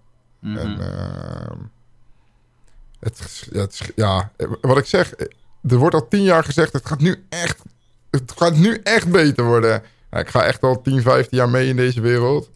Nou, het is echt nog geen, eh, geen centimeter opgeschoten. Mhm. Misschien zoals ze achteruit gegaan. Ja, tuurlijk, het is misschien groter, maar als je kijkt naar hoeveel grote eh, concepten je vroeger... Als ik kijk naar 14 jaar geleden, toen was de, de World Cyber Games finale in de Of Corso in Rotterdam. Ja. En daar waren, eh, daar kwam, maar daar kwamen gewoon de gasten heen. Grubby, nou ja, misschien, ik de, hoop dat jullie die kennen. Nee, sorry. Ah, nou, die- dat is eh, de Nederlandse Warcraft-speler. Maar Oké. dat- die, is, die is echt wereldberoemd. Die is echt eh, wel de nummer één, eh, één e-sporter, denk ik, ooit uit Nederland. Maar er kwamen ook gasten als Handenwasser. Dat was de beste Project Gotham racer van de wereld. Maar gewoon alle topspelers van de wereld waren daar gewoon voor de Nederlandse finales. Mhm. En die konden daar kwalificeren voor het wereldkampioenschap. En ik weet nog dat we daarheen gingen. En eh, die maat van mij moest daar dan Gears of War spelen, dus daarom was ik daar. En, maar dat was gewoon een uitverkochte club. Gewoon, er stond duizend man publiek of zo. Zo. Allemaal te juichen en echt één gekhuis. Game Kings presenteerde dat. Het was echt een fantastisch event.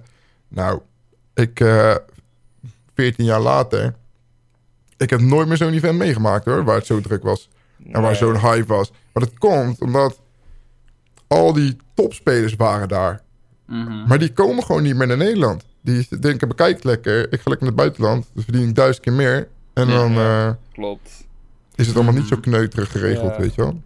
Ja, ik, ik, ik- er was één moment waarop het wat dichterbij kwam. Dat was toen volgens mij vijf jaar terug. Toen waren de LCS, dus League, die splits, de League of Legends splits, die waren Ja, maar dat is in, geen eh, Nederlands, hè. Maar dat is niet Nederlands. Nee, dat maar was het is gewoon een buitenlands Ja, event wat in Nederland Ja, georganiseerd in werd. dat, in dat opzicht bedoel je het. Ja, nee, qua Nederlandse event zelf, dan is het echt diep triest. inderdaad. ben ik helemaal met je eens. En Dat is Ja, kijk als, I- kijk, als ISL een CSGO Major in de Amsterdam Arena organiseert, is het ook Ja, dat kan- ja Maar- nee, dat is het zeker. Maar dan zitten er geen Nederlanders, kan ik je vertellen. Mhm. Nee. Ja, dus jij denkt eigenlijk dat het dan komt door, ja, deels dat wij een soort van professionaliteit ehm, niet hebben, die ze in het buitenland wel hebben. Maar ook omdat wij niet het geld hebben. Eh, en dat komt dan weer door dat we dat geen onzin. professionaliteit hebben. Nee, maar mensen willen gewoon... Dat, daar begint het al hele probleem al. Dus mensen zeggen gelijk... Ja, maar ik wil er geld voor. Ik, ben, eh, ik speel drie keer in de week Fortnite. En ik wil nu 1000 euro salaris. Ja, Weet je wel? nee, man. Met die instelling zitten mensen nu al tegenwoordig. Terwijl ze nog niks gepresteerd hebben. Hmm, En, die, en dan kappen ze ermee als ze er na een jaar niet krijgen. ja. Ja. Maar ook met, eh, zoals ik al zei, weet je, niemand neemt eigen initiatieven. Ze verwachten allemaal maar dat het allemaal voor ze geregeld wordt. Mhm. Maar aan de andere kant, je zegt, er is inderdaad, eh, je wordt ook niet marktconform betaald. Weet je, ik ben gevraagd voor castingklussen en dan vraag ik, dan vroeg ik 100 euro voor een dag, wat echt moker weinig is. ja. Dat is echt weinig. En Ja.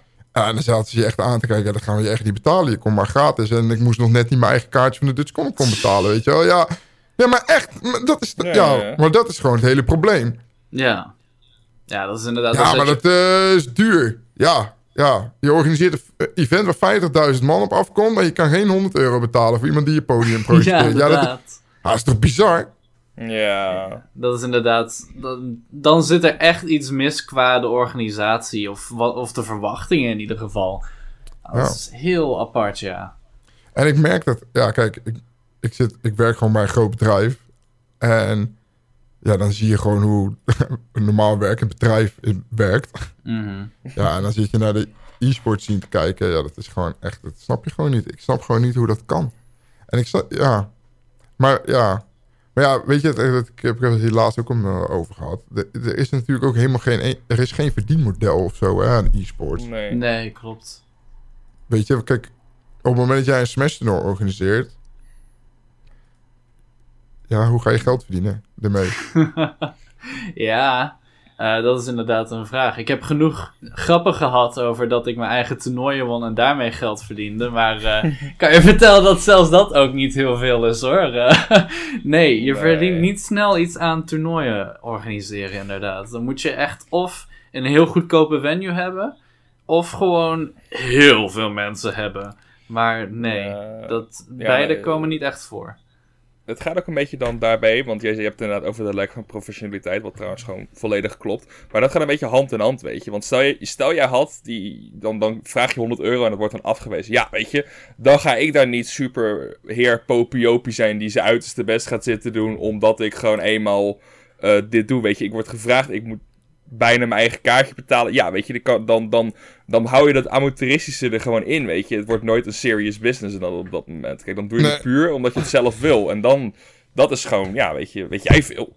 Ja, maar niemand investeert ook. Kijk, op het moment Nee, dat jij iemand gratis laat shoutcasten... dan kan ik je nu vertellen, de mensen die het gratis doen, kunnen het niet. Nee. Nee, want de mensen die het kunnen vragen er geld voor. Dat is letterlijk het ding. Maar die gaan ze niet vragen. Dus ze vragen iemand die gratis is... waardoor de stream niet om aan te horen is. Mhm. En, eh, en het zijn dan natuurlijk ook allemaal hobbyisten die eraan werken. Dat zijn geen professionele mensen. Mensen die een stream in elkaar flansen en één keer OBS hebben gebruikt. Weet je wel? Ja, ik Ja. snap het inderdaad. niemand, niemand durft te investeren, weet je wel? Kijk, ik heb ook eh Smash hier georganiseerd. Ik heb Ja. daar gewoon eh, echt meer dan 1000 euro in ge- geïnvesteerd. Zo. Ja. Dan Maar doe je dat toch ook Het zag wel goed... Ja, maar het zag, er- het zag er wel goed uit, weet je? Ja, ja, Mag, ja. ik- mag ik gewoon zeggen, toch? Ja, ja, ja, zeker. Eh, nee, Waarom nee, niet, maar, bro? maar ik bedoel meer van... Ik heb gewoon goede mensen gevraagd om dingen te maken. En die kosten dan gewoon eenmaal geld, weet je? En het, ondanks dat het een goede vriend van mij is... die bijvoorbeeld de hele... de graphics en dergelijke allemaal eh, gemaakt heeft... Mhm. Hij zou het ook gratis, maar ik heb hem gewoon ingehuurd om dat voor mij te maken. En ik had apparatuur nodig. Ik heb het gewoon uit mijn eigen zak betaald. Ja. Weet je? En een deel van de prijspot heb ik ook gewoon uit mijn eigen zak betaald. Ja. En, maar ik heb nu wel een dermate goed event neergezet. Wat nu, wat ik nu kan gaan verkopen aan bedrijven. Ik heb daar een highlight reel van. ik heb nu statistieken. Mhm. Ehm, en het ziet er gewoon goed uit. En ik kan nu naar bedrijven toe van... hé, hey, luister, ik heb nu dit. Zouden jullie het interessant vinden om daar eh, bij, aan bij te willen dragen? Maar als jij dan met een of ander filmpje komt... waar het allemaal helemaal kut is... ja. Ja, dan denken die gasten ook van... ja, waar, waar- waarvoor klop je bij mijn deur, weet je wel? Mhm. Waarom klop je Allemaal aan mijn deur? halve zak geregeld en zo. Ja, Ja. dus ik heb gewoon... Ja, nie, eh, maar er zijn maar heel weinig mensen die die investering willen maken.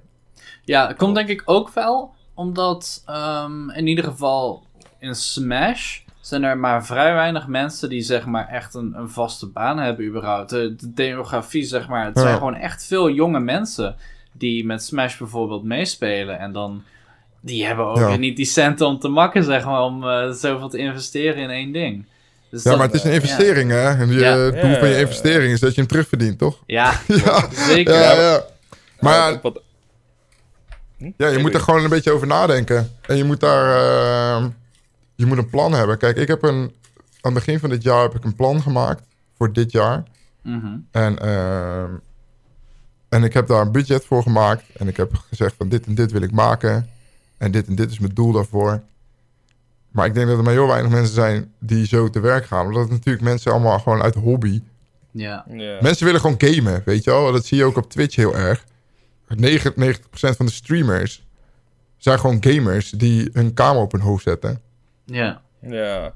Snap je? Ja, ik, ik denk ook dat het, dat, want het, zeg maar inderdaad, als je zo'n event organiseert, weet je, je creëert visualiteit, weet je. Je creëert iets, je creëert een ankerpunt waarvan je kan zeggen van, yo, dit heb ik nu gedaan, dit is wat het opgeleverd heeft, dit is het. En Ja. een probleem waar, wij, waar, waar Smashers heel erg tegenaan lopen, slash liepen, is dat mensen maar zoiets hadden van, weet je wat, ik speel de game, ik ben goed in de game en ik zie wel wat er op mijn pad komt, weet je. Dat er niet uitgaan naar bedrijf van, yo, ik heb deze prestaties, ik speel Nee. Deze game, dit zijn de toernooien waar ik naartoe ga, dit zijn mijn placings, zeg maar, dat, dat het Ja. bedrijf... Want wat voor... Het bedrijf weet niet eens wat... De weet, kan net de naam van de game, zeg maar, opschrijven, weet je. Verder dan dat kunnen ze niet denken. Dus als Nee. jij zoiets hebt van, nou, weet je, ik ben nummer 17 van Europa... En een bedrijf komt dan wel naar mij toe. Bro, dat bedrijf weet niet eens dat jij bestaat. Nee, nee, letterlijk dat. Ik heb al mijn e-sports teams die ik gehad heb, heb ik allemaal zelf proactief benaderd. Met een mail en een uitleg over wie ik ben en wat ik doe en wat mijn doelen zijn voor de komende twee jaar. En hoe hun me daar misschien eventueel bij zouden kunnen helpen. Maar ook gelijk wat mijn verwachtingen zijn, hoeveel geld ik nodig heb. Weet je, gewoon super uitgebreid en gewoon gevraagd kunnen we een keer bellen. En ik heb het gewoon altijd proactief benaderd. En daardoor had ik, zeg maar, ik was echt niet de beste speler van de wereld hoor, in Hearthstone. Maar ik had wel altijd super goede sponsoren. Gewoon puur Hmm. omdat ik gewoon zakelijk was en gewoon proactief naar die bedrijven ben gegaan. En gezegd van, joh, moet je luisteren. Ik heb, wil dit gewoon. Ik kan dit en ik kan dit voor jullie betekenen. En, ehm, maar ja, als je gewoon gaat zitten wachten tot iemand naar je toe komt, ja, Ja, dat gaat echt niet gebeuren hoor. ja, heel stom gezegd. Je, je had de bal om je bek op te trekken. Heel stom gezegd. ja, nee, Ja. het is wel zo. Ja. Het, is, Mm. dat, het zijn ook echt de mensen die nu zeg maar gewoon hun, hun, hun, het beste zijn in de game. Weet je, natuurlijk zit er een mix bij van mensen die het niet willen. Maar ik weet zeker dat, dat Smash Nederland zou heel veel verder komen als mensen eh, meer zakelijk ingesteld staan in, in dit soort dingen.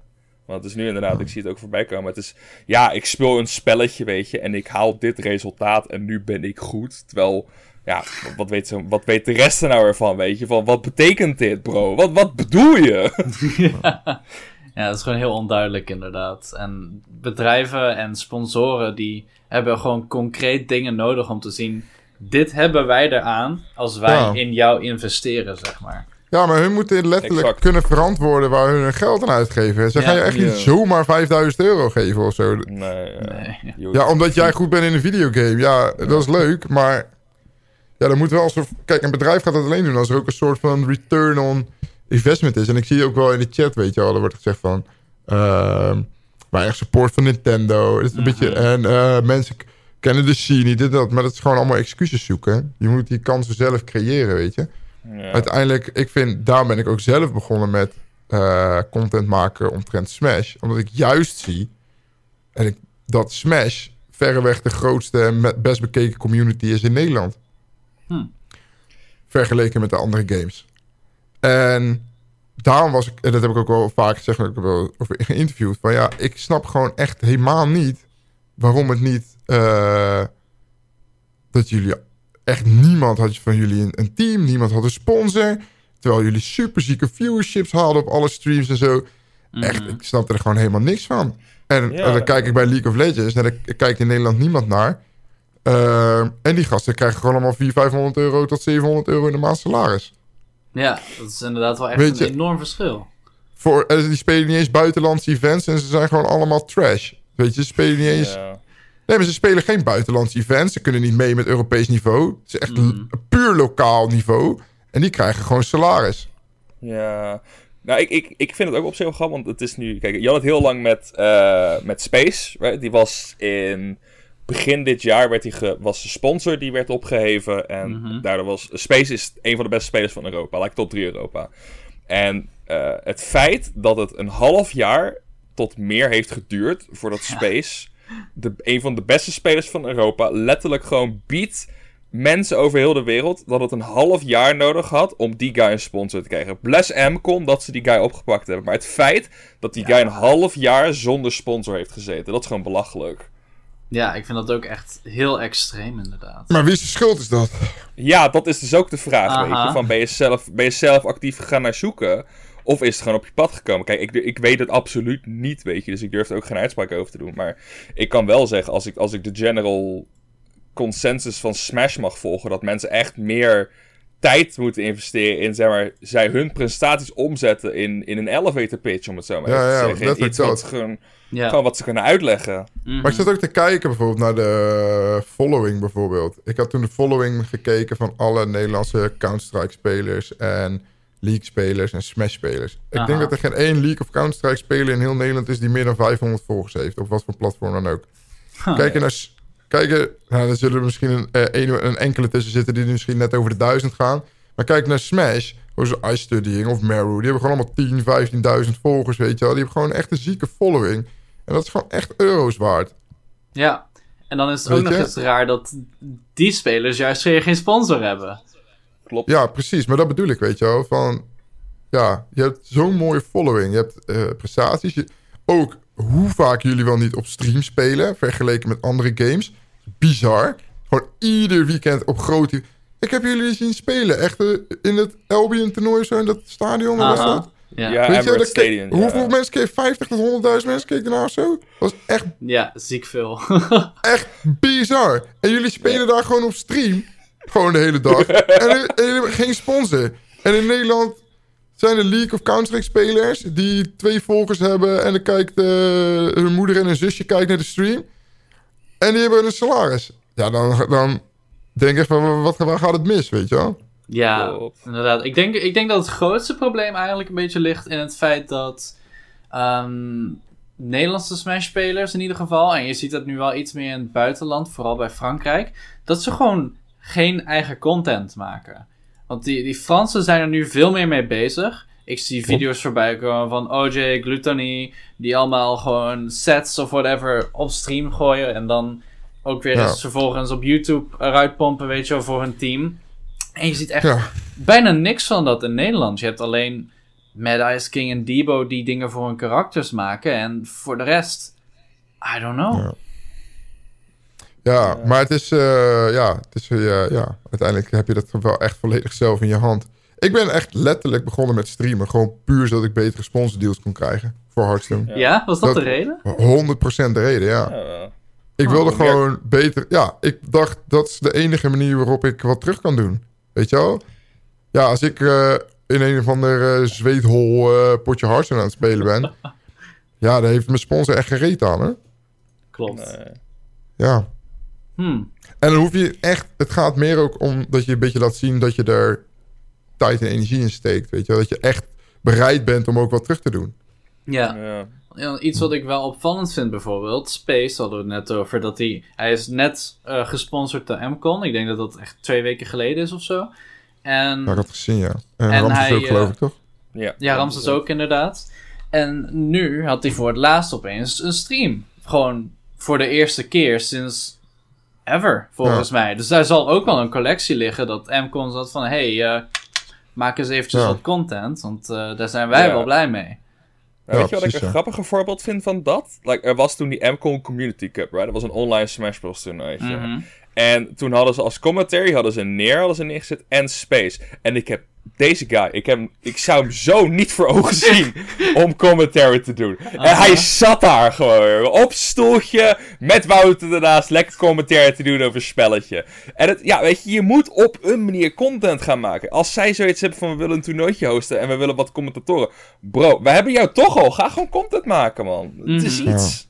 Ja, Ja, en vaak maakt eh, het bedrijf ook niet zozeer uit hè, wat de kijkcijfers zijn. Ik weet een beetje hoe het werkt met, eh, met marketing, activaties en dat soort dingen. Hun bedrijf willen gewoon op een ludieke manier hun product wegzetten. En ze, moet, en ze moeten hun budget kunnen verkopen aan hun baas, zeg maar. Ze moeten hun baas wil weten, oké, je hebt eh 10.000 euro gekregen van mij. Wat heb je daarmee gedaan? Ze willen niet eens weten wat het bereik is. Ze willen gewoon Nee. zien van, hé, hey, wat, wat, voor, wat voor dingen heb je ermee gedaan? En dan kun je zeggen, ja, we hebben een Smash toernooi georganiseerd. En we hebben een speler aangetrokken die voor ons speelt. En we hebben een, eh, een eh, gamecursus georganiseerd. Ja, dat er drie mensen naar keken en dat er vijf, eh, vijf mensen kwamen opdagen voor die cursus die allemaal Smash speelden. Daar gaat het niet om, weet je wel. Maar hun moeten gewoon op, op een manier kunnen verantwoorden mhm. Ja, wat ze gedaan hebben, weet je wel, met dat geld. ja. waar is het naartoe gegaan? ja, dat. Ja, wel heel interessant. Ik vind het eh, nog steeds wel gewoon heel lastig, zeg maar, om nou te pinpointen waar het in, in Europa eigenlijk, maar vooral Nederland dan nog zo fout gaat. Maar ik vind wel dat we hier al in ieder geval een paar goede dingen hebben besproken, sowieso met de professionaliteit. Ehm, oh, maar dat, dat wilde ik nog zeggen. Het is eigenlijk een beetje een soort van paradox, want er is geen geld, dus zien mensen het als een hobbyding en niet als iets van, oh, hier kan ik potentieel iets echt professioneels uithalen. En dus komt er eigenlijk ook weer geen professionaliteit. Dus het is eigenlijk gewoon een soort van cirkel die telkens Ja. rondgaat en niemand Ja, maar doorbreekt het. dat komt ook wel omdat mensen gewoon echt hun waarde niet weten en alles gratis Nee. doen. Zolang mensen dingen gratis blijven doen, gaat het ook nooit beter worden. Dat is echt. Klopt. En dat gaat omdat iedereen het als hobby doet. Want game is voor superveel mensen hobby. Dus je gaat altijd mensen doen die het voor gratis gaan doen. Ehm, ja, dat is gewoon een probleem. Mensen weten gewoon hun waarde niet. Zeg maar op een gegeven Nee. moment, als er tien mensen zijn die het gratis doen, dan komt één iemand die vraagt 100 euro. Ja, dat ga je er gewoon nooit meer krijgen, weet je wel. En ik merk dat ook heel erg nu, nu ik een wat grotere streamer ben en wat meer zakelijk ook bezig ben met bedrijven. Mhm. Weet je, het is echt niet gek hoor om 1000 euro te vragen voor een stream. Nee. Die, het interesseert ze echt niks. Het zijn gewoon megabedrijven die miljard miljoen per jaar eh, omzetten. Denk je echt dat ze wakker liggen van 1000 euro? Nee, klopt. Precies.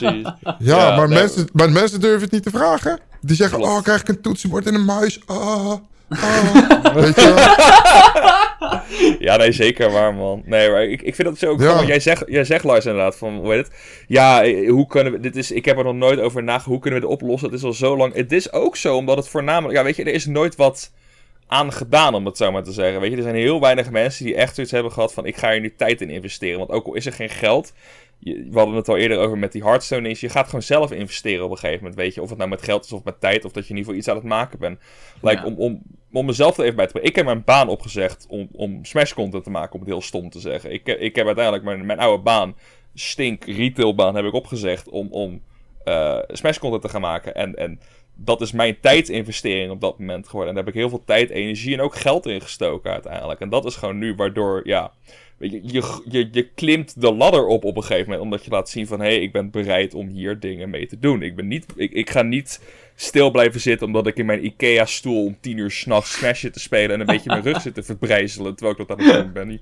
Je, je moet laten zien wat je kan op een of andere manier. En ja, soms is daar gewoon geen geld voor, weet je. En dan, dan moet je een manier zien te vinden om dat wel te doen. Of het nou zelf investering is... of dat je zelf iets, iets gaat maken, inderdaad. Ja, het keuzes maken, hè. Kijk, je kan ook ieder weekend naar Ja. de kroeg gaan eh, voor 100 euro. Je kan ook die... Nee, maar dat is wel hoe het is. Ja, nee, hè. het is Kijk, je kan ook ja. gewoon een keer vier weken niet gaan. heb je 400 euro, kan je een stream maken. Ja. Klopt helemaal, inderdaad. Ja. Ja. Even kijken. Ah, iemand zegt in de chat nog, voor een bedrijf is 1000 euro inderdaad niks. Zeker omdat ze weten dat ze met dat bedrag bij een heel gerichte doelgroep komen.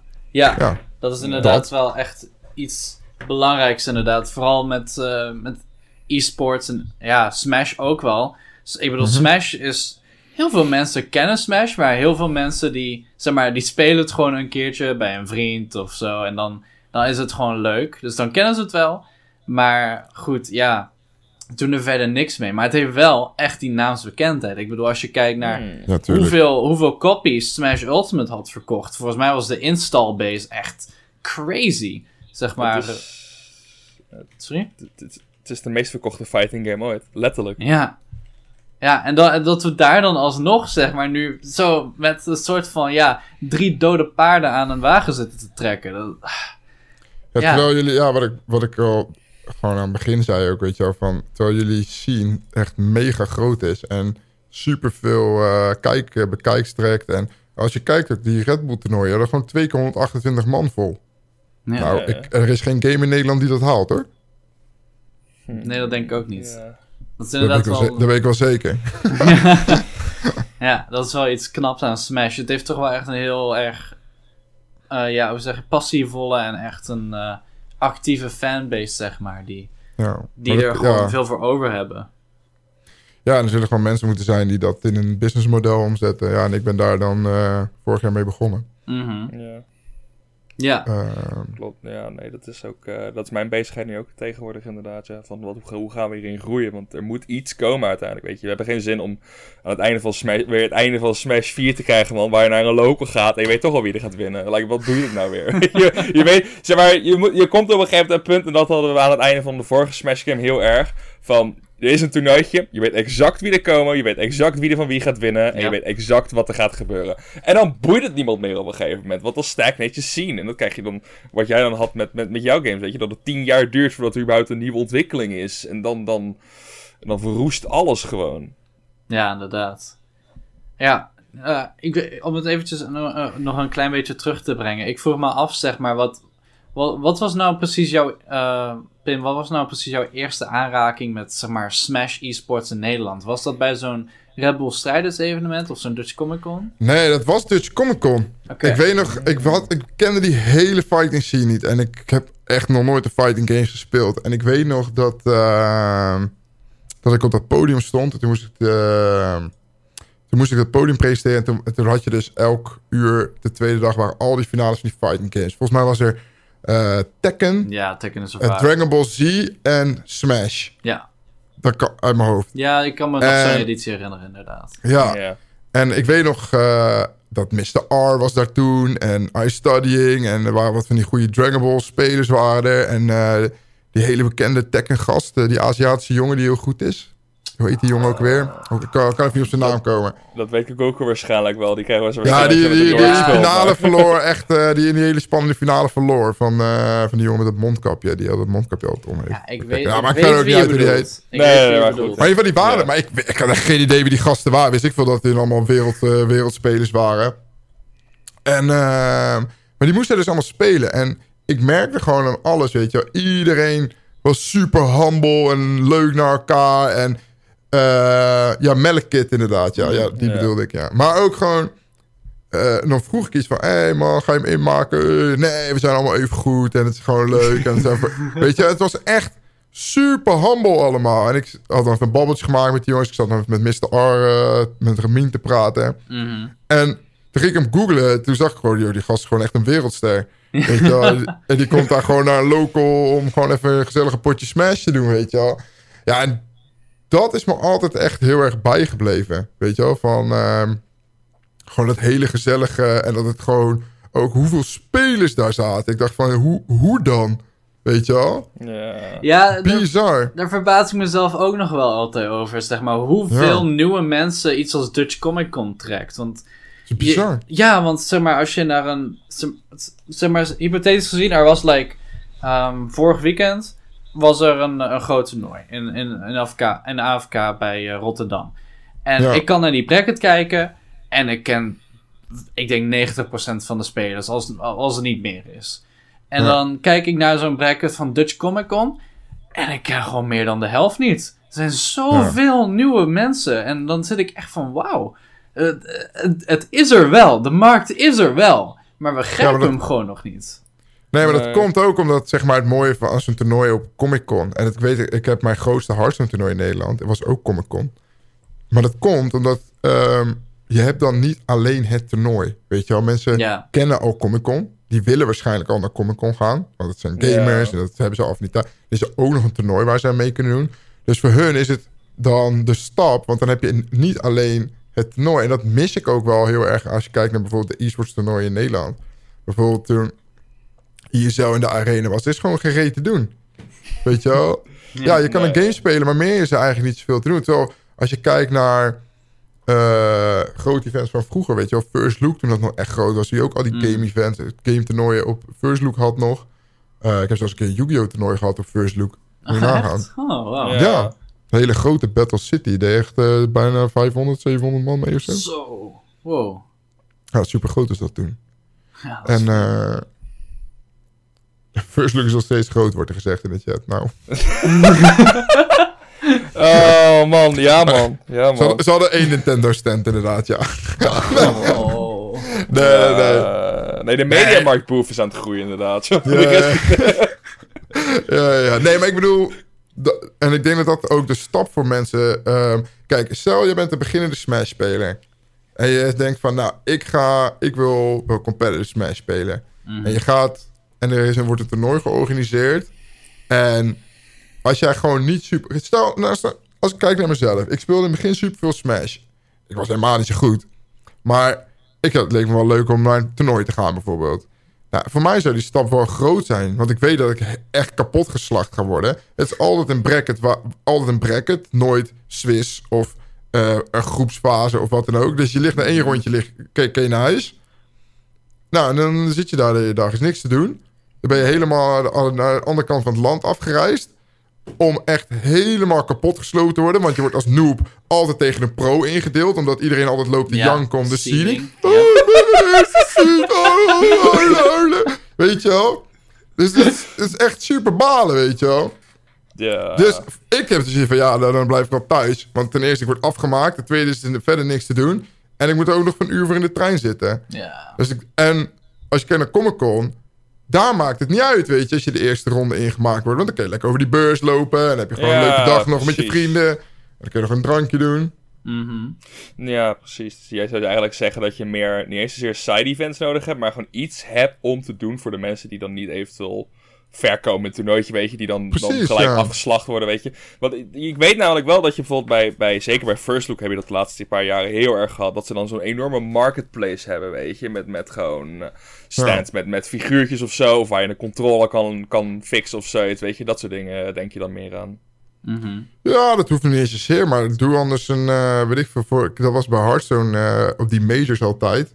Dat was super chill. Als je dan de eerste, die majors waren altijd drie dagen, drie Mac.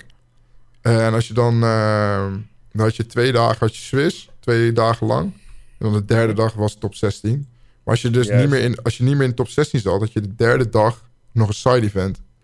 Voor de hele dag. Ja, ja, ja, ja. Weet je wel, je komt toch hele... Kijk, hun weten ook, die mensen komen helemaal naar Zweden toe... of naar eh, Spanje toe, of naar Italië toe, of whatever...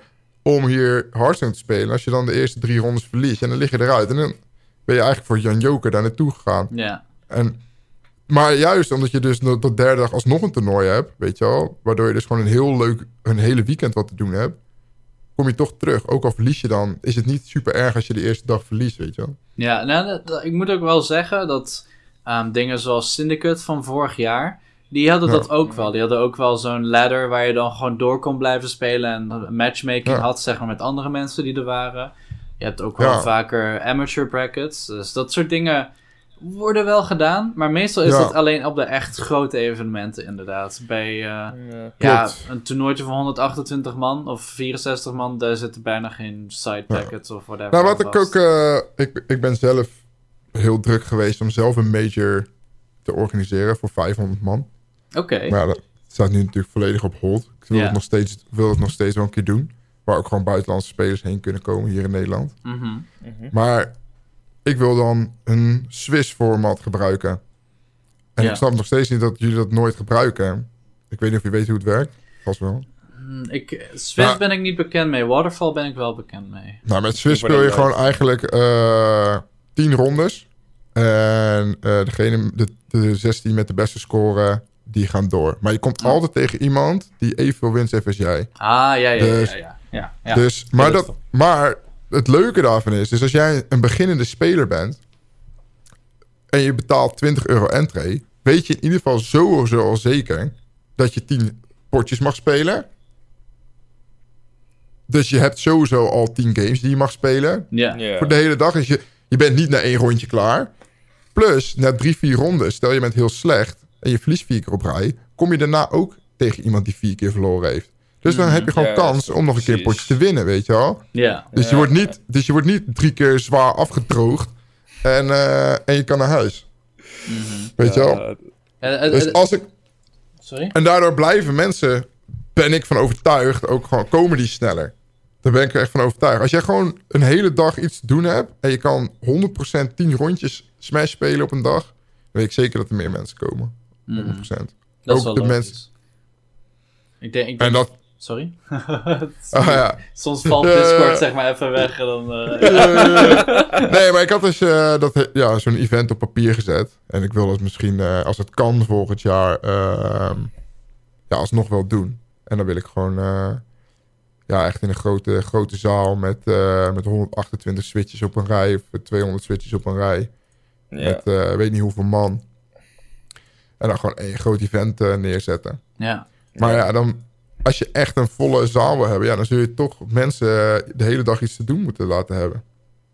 Ja, het klinkt wel logisch. Ik denk wel dat bij zoiets als zo'n ehm, zo'n Swiss format, dat, Mhm. ehm, dat dat voor nieuwe mensen een beetje verwarrend kan zijn. Dus dan moet je wel echt inderdaad bijvoorbeeld heel expliciet op de pagina zetten van hey, zo werkt het format en zo, dit wordt van je verwacht. Want anders kan dat denk ik ook wel mensen een beetje afschrikken als ze niet weten wat er van ze verwacht wordt. Ja, maar kijk, het ding is, het, uiteindelijk gaat het gewoon omdat je het goed uitlegt. Het is helemaal niet zo spannend hoor. Het is gewoon letterlijk, er wordt, eh, je krijgt, eh, je hebt gewoon je telefoon en dan staat er, ik moet eh, om 1 uur op docking 69 zijn. Ja, oké. En dan, eh, dan moet ik Ja, spelen, weet je. Ja, Weet je goed, inderdaad. een, ding, een ding wat het heel erg goed deed voordat de lockdown er was, was Ranked. De Ranked Esports Bar in, Rotterdam, in Mhm. Amsterdam had je dat. En dat Mhm. was een toernooi dat werd georganiseerd door Pixels Realm. Dat is waarschijnlijk een bekende naam voor jou. En wat hij altijd deed, is hij, ze, sto- ze stortten, ze, hij kon er 24 man in of zoiets, niet superveel. Maar het bracket was altijd round robin. Wat betekent dat jij tegen elke speler in jouw pool speelde. Een beetje de poolfase van een voetbaltoernooi, weet je. Ja, ja, ja. Dus je weet sowieso, je gaat daar naartoe, weet je. Je hebt sowieso vijf potjes. En vaak is er dan nog een event ernaast. En dan, dat was ook vaak de plek waar de meeste nieuwe spelers kwamen. Hadden Ja. het idee. Maar tuurlijk, omdat ze weten dat ze de hele avond Smash kunnen gaan spelen. En niet om eh 10 uur s ochtends aankomen en om 11 uur weer naar huis kunnen. Ja, precies. Dan, dan is het gewoon, dan kom je er aan, weet je. En om vijf, om, eh, vijf minuten later kun je je papa al weet je, bellen of hij met een kruikje klaar wil staan, omdat je zo afgedroogd bent. Ja. Ja. Nee, maar dat zijn heel veel van die dingen. En dan, ja, ik denk dat, eh, dat er nog wat beter over nagedacht kan worden. Weet je wel. Hoe kan je het leuk maken voor iedereen? En kijk, tuurlijk, weet je, als je eenmaal op het niveau bent, bijvoorbeeld van een iStudying of een Meru of, eh, nou, of bijvoorbeeld jouw niveau, Chuck, jij bent natuurlijk ook gewoon supergoed. Ehm, dan, ehm, dan verlies je een beetje uit het oog, zeg maar, ehm, wat voor 99% belangrijk is. Mhm. Weet je wel? Ja, jullie, klopt. voor jullie is het belangrijk dat je tegen de beste spelers kan spelen en dat je een goede seat hebt en dat de beste spelers in die finale komen en dat je ook nog 500 euro kan winnen. Weet je wel? Maar dat is voor 99% is dat helemaal niet belangrijk. Weet je, die willen gewoon een potje Smash spelen en die, willen, die vinden het al super vet dat ze een keer een potje tegen jullie mogen spelen, weet je wel? Ja, dat sowieso. Ja. Ik, ik denk ook zeker dat het al een ding is. Want eh, vaak is het een beetje de laughingstock van, van de scene. Zijn zeg maar de mensen die dan 0-2 gaan. Dus die geen enkel potje winnen. Of de mensen die dan 2-2 gaan. Weet je wel wat winnen, maar ook verliezen. Maar dat zijn juist de mensen die je op je event wil hebben. Want niet alleen zorgt het ervoor dat je events groter worden. Maar het zijn ook nog, ja, heel lomp gezegd. Het zijn potfillers op een gegeven moment. Weet je. Het worden mensen die ervoor zorgen dat niet alleen de, de lagere niveau spelers komen, maar ook de topspelers. Want er is meer prijzengeld. Er zijn meer spelers waar tegen je kan spelen, wat weer een groot evenement veroorzaakt. En, ja, dan, dan, maar dan, nee, nee, nee, haha. Jantje met Roy gaat O2. Laat hem allemaal even in zijn gezicht uitlachen, omdat hij Roy speelt en 0-2 gaat. Weet je, dat, Eh soort Roy is my main man. Wat, Hey, hey, hey, Ja, ik, heb, ja, ik, heb, ja, ik heb heel veel respect voor Roy, maar ik noemde dat als voorbeeld. Ja, maar da- daar schiet je inderdaad gewoon niks mee op. Ik vind juist dat... Hé, hey, oh, hij heeft zelfs Ja, een amiibo. Ja hoor. Ja, ja, ja, ja, ja, ja, ja. Man. ja, wel. Ja, nee, maar ik vind juist dat, dat dat soort mensen, zeg maar, zelfs ook nog echt eh, de echte strijders zijn eigenlijk. Want ook al gaan ze vaker 0-2, ze komen wel en ze hebben gewoon plezier, weet je wel, doen hun eigen ding. Ik vind dat altijd wel heel admirabel eigenlijk, hoe ze dat doen. Is het dan? Ja, ik weet nog dat ik mijn eerste Smash toernooitje online ging organiseren. En dat wa ehm, eigenlijk was het gewoon meer een beetje voor mijn viewers... die ook allemaal één keer in de week eh, een potje Smash spelen. Maar er kwamen natuurlijk ook hele goede spelers. En in het begin was het altijd wel een beetje van... Ah, ik vind het eigenlijk niet heel leuk, want... Ja, ik vind het eigenlijk helemaal niet leuk om helemaal kapot gemaakt te worden, weet je wel. We willen gewoon Mhm. een leuk... Maar uiteindelijk vonden sommigen... kwamen ook wel steeds meer mensen. En ook, zeg maar, de mensen die het wat meer speelden... die vonden het juist super vet, weet je wel... om een keer tegen een eh, hele goede speler te mogen spelen Ja, ook al verloren zijn. Ze wilden gewoon toch wel kijken hoe, hoe dichtbij ze konden komen, weet je. Ja, gewoon de, de niche of het zelf is gewoon ongenoeg. Mhm. Ja, ook al verloren. Ze wisten dat ze gingen verliezen, maar ki- kijken of je Ja. stokje kan pakken of kijken of je... weet je wel? Ja, en dat Ja, kan dan juist ook weer een motivatiebron zijn. Want iets, Ja. wat, iets wat ik heel gaaf vind bijvoorbeeld, is dat... ehm, want dat, dat was Monken Smash, jouw online toernooi, toch? En Ja, ja, ja, ik kan me nog herinneren toen, we hebben die toen een keertje gecast... Dat ehm, toen zag ik voor het eerst Game Boy spelen. Nou, en Game Boy is nu vrij bekend in onze scene als ja. Lapis. En hij, hij doet het gewoon super goed tegen, zeg maar, echt mensen die ook vaker en al langer naar toernooien gaan. Eh, Klopt, dat- ja. ik, ik vind dat gewoon heel gaaf om te zien hoe je vanuit dat soort bronnen toch dan weer inderdaad zo'n groei kan, eh, zo kan krijgen. Ja, zo gedaan ook. Daan, Ja. Ja. Die, die heeft uiteindelijk ook helemaal die smie... Dat was ook gewoon een kijker van mij. Die, die heeft ook voor het eerst echt mee met een smash toernooitje. Volgens mij met Monken Smash was zijn eerste toernooi. Wat hij speelde. Ja. Online. En toen uiteindelijk, oh, dat is wel vet. En toen ging hij vet veel spelen. En toen uiteindelijk is hij ook naar die toernooien afgegaan. Volgens mij was de Red Bull Strijders... eh, was toen zijn allereerste toernooi. Offline. Ja. Maar dat, dan, dan is het inderdaad, want dan krijg je zeg maar wat je normaal hebt als je naar Comic Con gaat, weet je. Van Ja. ik ga naar een toernooitje en ik, als ik eruit lig, nou dan, dan kan ik alsnog gewoon naar Comic Con. Dan is het van, ik doe mee met een toernooitje en als ik eruit lig, kan ik nog steeds naar gewoon een streamer Ja. kijken waar ik toch wel naar kijk. Ja. ja, dat is dan zeg maar je, je added value daarnaast. Ja, en natuurlijk, mijn toernooien waren natuurlijk ook gewoon eh, met een niet serieuze insteek. Hè? Dat was Tuurlijk. voor mij het hele doel. Mhm. Weet je, het Ja. ging niet om winnen of verliezen. Het ging gewoon dat we lekker met z'n allen lekker... Ik had een bracket, het was best of één online. En iedereen werd gestreamd om de beurt. En we hadden een bracket die niet vol was. Maar als mensen nog halverwege het toernooi in de stream... Oh, mag ik ook meedoen? Dan plakte ik er gewoon er nog tussen. Weet je, lekker boeiend. Eh, doe gewoon gezellig lekker allemaal mee. En het maakte helemaal niet uit wie er ging winnen. Mhm. Weet je wel? Ja, dat is dan ook een leuke sfeer om te creëren. Juist om een Klopt. lage instapbarrière te hebben Ja, voor die ja, nieuwe ja. spelers. Er deden superveel mensen mee die echt moker slecht waren.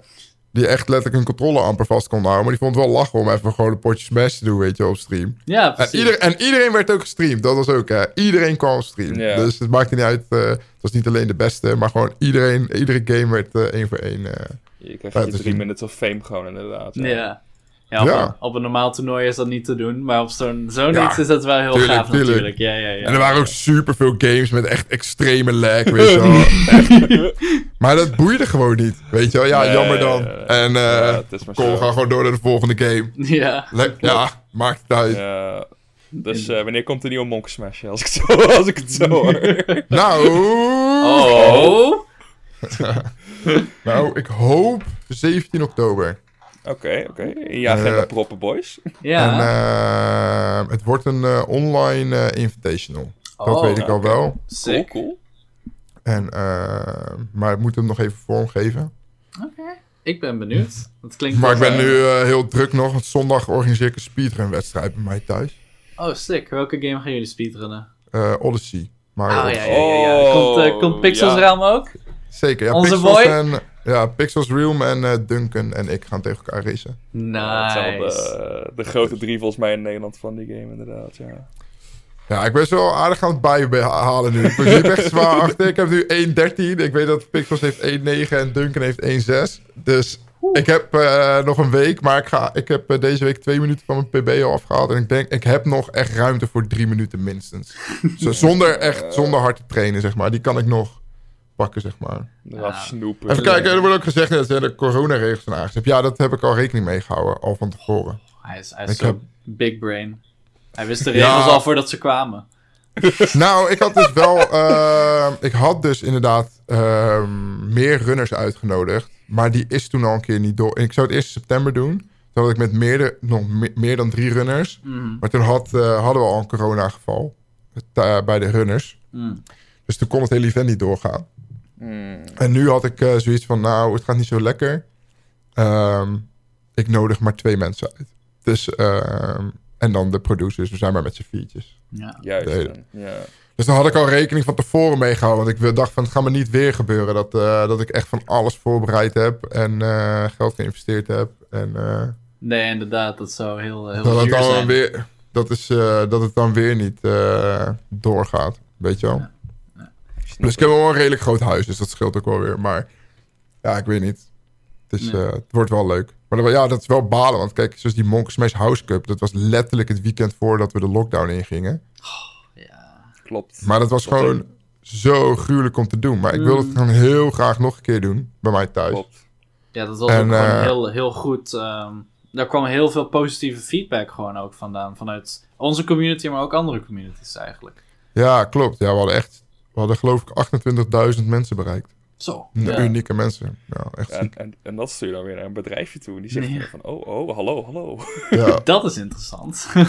ja. Ja, precies. ja, het was ook... eh, ja, was gewoon super leuk, weet je. Was echt, ik had dat idee gewoon in mijn hoofd al best wel lang. En toen dacht ik, ik ga, het gewoon, ik ga het gewoon doen. En ja, voor mij was de grootste obstakel was toen ook van... eh, willen de spelers wel, weet je wel. Hmm. Maar eh Ja. was geen enkel probleem. Nee, Het- de- het- het- die jongens die willen gewoon lekker, lekker kunnen spelen. Ja, maar dat is het hele... Dat was zo ziek ook. Maar dat is ook waarom ik dus die Smash community ook zo vet vind. Weet je, daar... Als ik dit bij League of Counter-Strike had gedaan... De eerste vraag die ik kreeg, hoeveel krijg ik ervoor? Hmm. Ja. 100%. Letterlijk. Weet je? En ik had echt wel een goede prijspot geregeld. Volgens mij was de eerste plek 500 euro een game van Nintendo. Ja. Ja. En nog wat was echt wel gewoon een dikke prijs nog, weet je wel? Hmm. Ja, dat is inderdaad gewoon netjes. Ja, Nee. voor, vijf, voor vijf man toernooi, weet je wel. Ja, Ja, bro, zeker. Dat, eh, dat ligt voor ja. begrepen dan op een gegeven moment, inderdaad. Hmm. Rabbi die de koelkast de hele tijd openhoudt tijdens het maken van zijn brood. ja, ja, ja. Oh, oh, Ramin, never change. Oh, man. Ja. En we- maar weet je wat dus het allerziekste was? Dit kan ik, ik ga ze gewoon exposen ook gewoon. Oh god, nu komt het. Ja, ja, ja. De stream ging uit. En dit is echt geen grap. Het was echt... Ze, ze, hebben, ze zaten al de hele dag te smashen natuurlijk. En we zaten de hele dag over die game te ouwe hoeren. En ja, ik was best wel moe, weet je wel. Na zo'n Ja. hele dag. En eh, degene die die hele stream had geproduceerd, die was ook best wel moe. En echt, ik maak geen grap. Die gasten... Ik, had, ik had twee, set, twee setups staan. Dus ze konden met z'n vieren tegelijk spelen. Ja, en ze pakken vier stoelen. Ze gaan achter die setup zitten. En ze gaan gewoon door met Ja? ik dacht, nou oké. Dus ik zei, we, ik, zou, ik, zou, ik zou een hapje voor eten voor ze regelen. Dus ik had eh, pizza's besteld voor iedereen. En eh Ramin die had eh Chinees besteld, geloof ik. Die wilde weer wat anders. En, ehm, en ze bleven voor spelen. En op een gegeven moment was het 9 uur. Ik zei, ja. ja, ik, ik, ik ruim ondertussen mijn hele huis al op. Maar ja, weet je, willen jullie door blijven spelen nog de rest van de dag? Wat? willen jullie tot 12 uur s'nachts hier blijven? Ja, dat was echt, dat was zo ziek. Ja, ik weet het. Gewoon echt. En het hield maar niet op. Ze bleven maar spelen. Ja.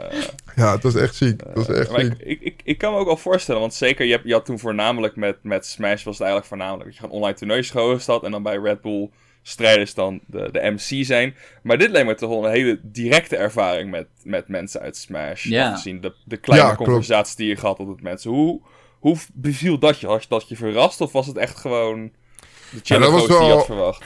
Dat was heel spannend. Want ik had zeg maar inderdaad... ehm, als doel ook van... ehm, ik maak twee setups. Mhm. We gaan hebben één toernooi setup waar de, de toernooimatch op zit. Waar dus, die ook aan de computer hing, zeg maar, voor de, om het beeld te cappen. En ik had ook, ook dacht van, nou, het is ook wat chill ehm, als mensen eh, in kunnen spelen. Dus ik had ook een eh, practice setup gemaakt. Waar mensen gewoon konden spelen als ze niet aan de beurt waren, zeg maar. Ja. Ik dacht, dat vinden ze wel chill, weet je wel. En ik dacht, dan is het leuk. Dan heb ik, eh, dan heb ik één iemand over waar ik dan de wedstrijden mee kan kijken en commentaar op kan geven. Ja. Maar ik had dus, ik had dus echt heel erg van, ja, ja weet je wat het is? Eh, Oh. Misschien vinden ze dat helemaal niet chill of hebben ze daar geen zin in of is het super cringe voor de camera. ja, nee, Ja. maar dat kan hè, dat kan. Ja, ja, Dat- ja, Ja, ja. ja, ja, klopt. Weet ik veel hoe... Ja, ik heb geen idee hoe die gasten voor de camera zijn. en, ehm, en weet je wat nog het allerziekste was? Die gasten kwamen met z'n allen op de bank zitten. Iedereen wilde een headset en een microfoon. en iedereen liep te ouwe hoeren. En het was één grote gezellige bende. En alleen maar ouwe hoeren. En Miru met die giveaways van Nintendo. En die, die elke keer die dingen liet zien. En het was één één grote gezelligheid. En er is gewoon letterlijk niemand tijdens de stream die op die practice setup heeft gespeeld. Die heeft gewoon letterlijk uitgestaan de hele stream. Terwijl ik juist dacht dat dat het hele ding zou worden. Dat ze daar de hele dag op zouden zitten spelen tijdens de stream. Dus ja, Ja. dat, dat, dat was wel heel nice toen, ja. Ja, ik- Ja, eh, zoals Oration ook al zegt in de chat, eigenlijk is heel top-level Nederland en de rest van de community zijn gewoon vrienden. En die Ja. vinden het gewoon leuk om met elkaar te kunnen chillen. En dan, ja, goed, als ze dan allemaal daar bij elkaar zijn, waarom ook niet, weet je wel? Eh, Dan gaan we Ja. niet lekker een beetje lullen over de game. is gewoon leuk. Ja, precies. Ja, ja, het was echt super lachen. En, eh, ja, maar ja, het moet, wel, eh, het moet wel goed gaan, zeg maar. En het, ja, dat kon ik van tevoren natuurlijk niet, eh, Nee, Ja. ja, niet weten. het is zeg lastig maar. om te Ik kon dat- peilen. ja, kijk, en nu heb je het een keer meegemaakt. En eh, nu weet je hoe het gaat. Maar het was wel inderdaad eh, ja, wel even spannend, weet je wel. Ja, Hmm. ja. Je nodigt toch vijf man die je niet kent thuis bij je uit. Ja, precies. En eh, kijk, weet je, het is. Kijk, ik heb een hele stream ook nog te runnen, zeg maar, weet je wel. Ja, Kan kunnen. Ja, dat was ook gewoon chill, weet je. Er is gewoon niks fout gegaan.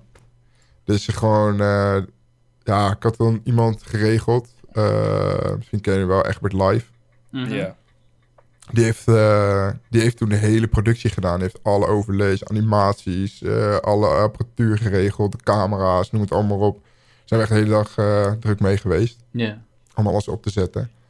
Ja, en het werkte gewoon, weet je. Hij had het gewoon echt goed gemaakt. En ehm, ja, ik weet niet, het was gewoon chill. Dat gewoon het internet niet uitviel. Of dat de camera's niet deden. Of dat de switch kapot was. Ja, het kan allemaal gebeuren. Of dat de microfoons klopt. het niet doen. Of dat, eh, dat het geluid slecht is. Of dat niemand te verstaan is. Of dat er een ruis op de achtergrond is. Of eh, dat iemand zijn nek breekt eh, omdat hij over een kabel struikelt. Ja, het kan allemaal gebeuren. Ja, klopt altijd. inderdaad. Nou, dat soort dingen kan je ook gewoon amper rekening mee houden. Maar het was inderdaad een echt een heel erg geslaagd evenement toen. Ik, vond het, ik heb het toen zelf Ja. ook uh, dat zitten kijken. Het was echt hartstikke leuk. Ja, ik wilde het eigenlijk nu weer doen in oktober. Ja, Maar ja, Ja. dat gaat een beetje moeilijk. Helaas pindakaas. Ja, ik had nog zoveel vette ideeën ook, weet je, om, eh, om te doen.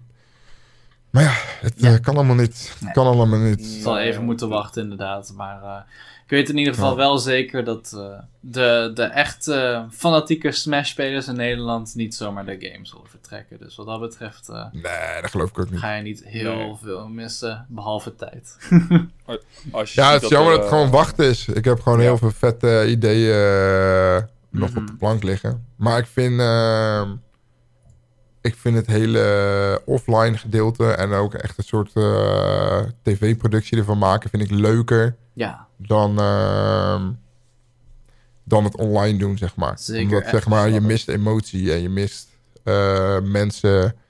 En anders is het alleen Ja. ik. En het, en het moet niet om mij gaan, zeg maar, weet je wel. Het moet om de, het moet om de spelers gaan. ja, ja. ja, Iets, eh, iets ehm, waar ik eigenlijk een beetje aan moest denken zodra ik die, eh, die House Cup zag, was... Ik weet niet of je bekend bent met Smash Summit, of niet? Nee, dat hebben meer mensen gezegd, ja. Ja, Maar, ik, kende, ik kende het verder niet. eh. Nee, want dat is zeg maar, dat is eigenlijk- een concept dat uit, ja, Smash Bros. Melee, waar ze mee begonnen. En dat is toen eigenlijk voor Smash 4 met Ultimate ook gewoon overgenomen. En Ja. dat is ook zo'n soort invitational van de topspelers die dan allemaal in een huis zitten voor een aantal dagen. En dan is het niet alleen, zeg maar, want dan is dat op de laatste dag doen ze een toernooi, maar de andere dagen zijn gewoon gevuld met rare skits Ja. en eh, spelletjes Ja. spelen. Zeg maar, vier Dat op een rij was super hype, voor geen reden. Ja, klopt. Dat hadden wij ook met Hearthstone, zo'n toernooi. In, Ja. eh, Oh, van, van, ja. van Take TV eh, was dat in Duitsland. Mhm. Hadden we ook zo'n toernooi waar we een heel weekend eh, in zo'n eh, huisachtige studio. En dan eh, gingen we ook allemaal achterlijke spelletjes doen. Levensgroot Jenga en eh taartbakken en Hearthstone spelen. Ja, het sloeg echt op kaas. Maar, dus ja, ehm, dus soms- daar, daar heb ik wel eh, het idee van afgeleid hoor. Dat Ja, ja, ja. is niet dat Ja, ik dat, ja, ja. dat ingenieuze idee helemaal zelf verzonnen natuurlijk. Nee, nee, nee, Maar, maar, ik eh, bedoelde gewoon meer van: hey, eh, als je ooit nog inspiratie nodig hebt voor die dingen, je weet het Ja. te vinden. Ja. Ja, er zit Ik zal, die, sim- ik, zal, ik zal die summit wel eens checken. Hoe het Mm. eruit ziet. ja, dat is Maar ja, we gaan het wel zien als het weer kan. Maar ja, we hebben het gezien net. ja. Ja, het is eh één groot drama weer. En de Rutte Direct was niet echt eh, fantastisch. nee. Maar, ik vind het zo rot hoe Ne- Smash Nederland gewoon Rutte direct zegt in plaats van. Dat is, toch veel, is toch veel makkelijker dan gewoon, ja, corona persconferentie. Nee, Ja. Rutte eh, Direct. de Rutte direct. Ik vind het wel goed. Uh, Ah ja. Ja, ik wilde eigenlijk nog. eh, we komen een beetje bij het tail end van de show. Ehm, we hebben het er veel over gehad, maar ik wilde toch nog eventjes kijken of ik voor nog een keer redelijk concreet uit je kan hebben, zeg maar. Wat voor dingen jij zou willen zien in Smash Nederland, die wij aanpakken, zeg maar, waardoor wij het groter kunnen laten worden. En het ook echt daadwerkelijk kunnen laten groeien. Ehm, ik denk sowieso dat jullie sowieso de spelers al hebben. En het bereik al hebben. Ehm, maar dat jullie sowieso een paar goede mensen moeten vragen. Gewoon buiten de Smash scene. Die, eh, die goede content maken. En niet mensen die een slaatje er proberen uit te slaan. Maar gewoon echt contentmakers, weet je. Ja. Mhm. Gewoon videomensen, ehm streammakers, eh, goede designers voor overlays. En daar gewoon geld voor neerleggen, weet je. Ja. En, ehm, en niet het iemand freelance laten maken of iemand uit de Smash community die zegt, oh, ik kan wel even een overlay maken. Ehm, en er gewoon echt een idee hebben, weet je. Een plan maken voor een jaar. Juist. Er wordt ook gezegd in de chat gewoon niet een pandemie hebben. Ja, dat is... Dat, gewoon, ja, Ja, nee, Als dat het kon, weet je, dan nam ik die stap Ja, gelijk. nee, maar weet je, dat is, we zagen net ook allemaal van ja, maar er is geen geld en de Nintendo support Ja. niet. Maar dat zijn gewoon ook weer allemaal excuses. Kijk, ik ga nu ook gewoon een online invitational organiseren en ik ga daar gewoon een stream van maken. En ik weet zeker dat het gewoon weer echt duizenden mensen gaat trekken. Ja. Ja. Weet je, ja, jammer van die pandemie, doe ik het wel online. Ja, weet Ja, je, je zult, ja, je zult altijd gewoon eh, kansen en eh, kansen moeten zoeken. En, de, en er tijd en energie in steken. Ja. En, eh, en niemand gaat het voor je doen, weet je. Dat, dat is wel Nee. echt... eh, Nee, dat sowieso. Zeker, inderdaad. En het is als iedereen die afwachtende houding neemt. En het is ook, als je het echt wil... Kijk, dit is ook gewoon de kans. Dit is ook eh, gewoon de kans. Als je echt iets wil in e-sports, ja, het is er nog niet, weet je. Dus je bent eh, de eerste. Ga ervoor. Ja. Zeker. Ja, Ja, er is nu nog eh, niemand die, eh, die de dikke euro's binnenharkt bij Smash. Dus eh, ja, be the first. Weet je, ja. Zeker, ja. Wijze woorden. hey, als, als, als, als laatste vraagje. Wanneer eh, gaan we die Roy van jou in een Smash toernooi zien, joh? Eh, ja, eh, ja, ik wil Ja. best wel... een- Als ik, oké, bij deze beloof ik... Oeh. Als er, weer, als er weer een Comic-Con is of een ander groot toernooi... dan beloof ik dat ik me inschrijf voor het toernooi. Oké. Oké, oké. En dat Clip ik jullie dit, clip dit. allemaal- en dat ik jullie allemaal echt kapot ga maken. Hey, oké. Weet je, I'd like to see you try. Kom maar op. Ja, nee, is goed. Dat Eh. is Ja? een, eh, Ik eh, moet wel eh, wat rooi-training hebben, eh, Lars. Komt goed, Dus, komt eh, goed. Ik, wij eh, gaan gewoon even, wij gaan echt eh, in monk-modus. Gaan we gewoon, ga je die eh, crash course geven, ja. Ga je gewoon mij die training geven, gewoon drie maanden lang, dag en nacht. ja. ja. Gewoon. Ga Nou, echt die denk wel- ik montage denk wel- zetten. Ik denk wel dat ik, eh, dat ik het snel kan. Ik was echt oprecht toen ik het echt veel speelde. Toen, eh, toen was ik echt wel redelijk goed in het spelletje. Ik kon echt wel veel van die Roy combo's en zo. Ik had een echt zieke clip nog. Met die tippers op. Oh. Duidelijk. Alright. Ik, ik kijk er zeker naar uit. Dan is het tijd om het af te sluiten voor vandaag. Dan wil ik als eerste onze sponsor van vandaag, Juice Real Energy, nog een keer bedanken. Als jullie ehm, lekker zin hebben in een energiegerelateerd product dat verkrijgbaar is als poeder, kan je dat krijgen bij hun website juiceenergy.eu. En met de code SHUK krijg je 15% korting, dus dat tikt nog eens lekker aan. Eh, daarnaast wil ik mijn co-host Dagobert natuurlijk bedanken voor het meehosten van vandaag. En natuurlijk onze gast van vanavond, Monke Lloyd. Het was weer hartstikke gezellig. Hey, groot feest. Dankjewel, eh Lars. Jij ook hartstikke bedankt. En dan zien we jullie weer volgende week, waar wij als gast hebben Mr. R. Dus dat gaat ook weer een zieke aflevering worden. ja, man. Wat lekker, boys. Ja, wordt lekker. Tot dan iedereen, een fijne avond en have fun.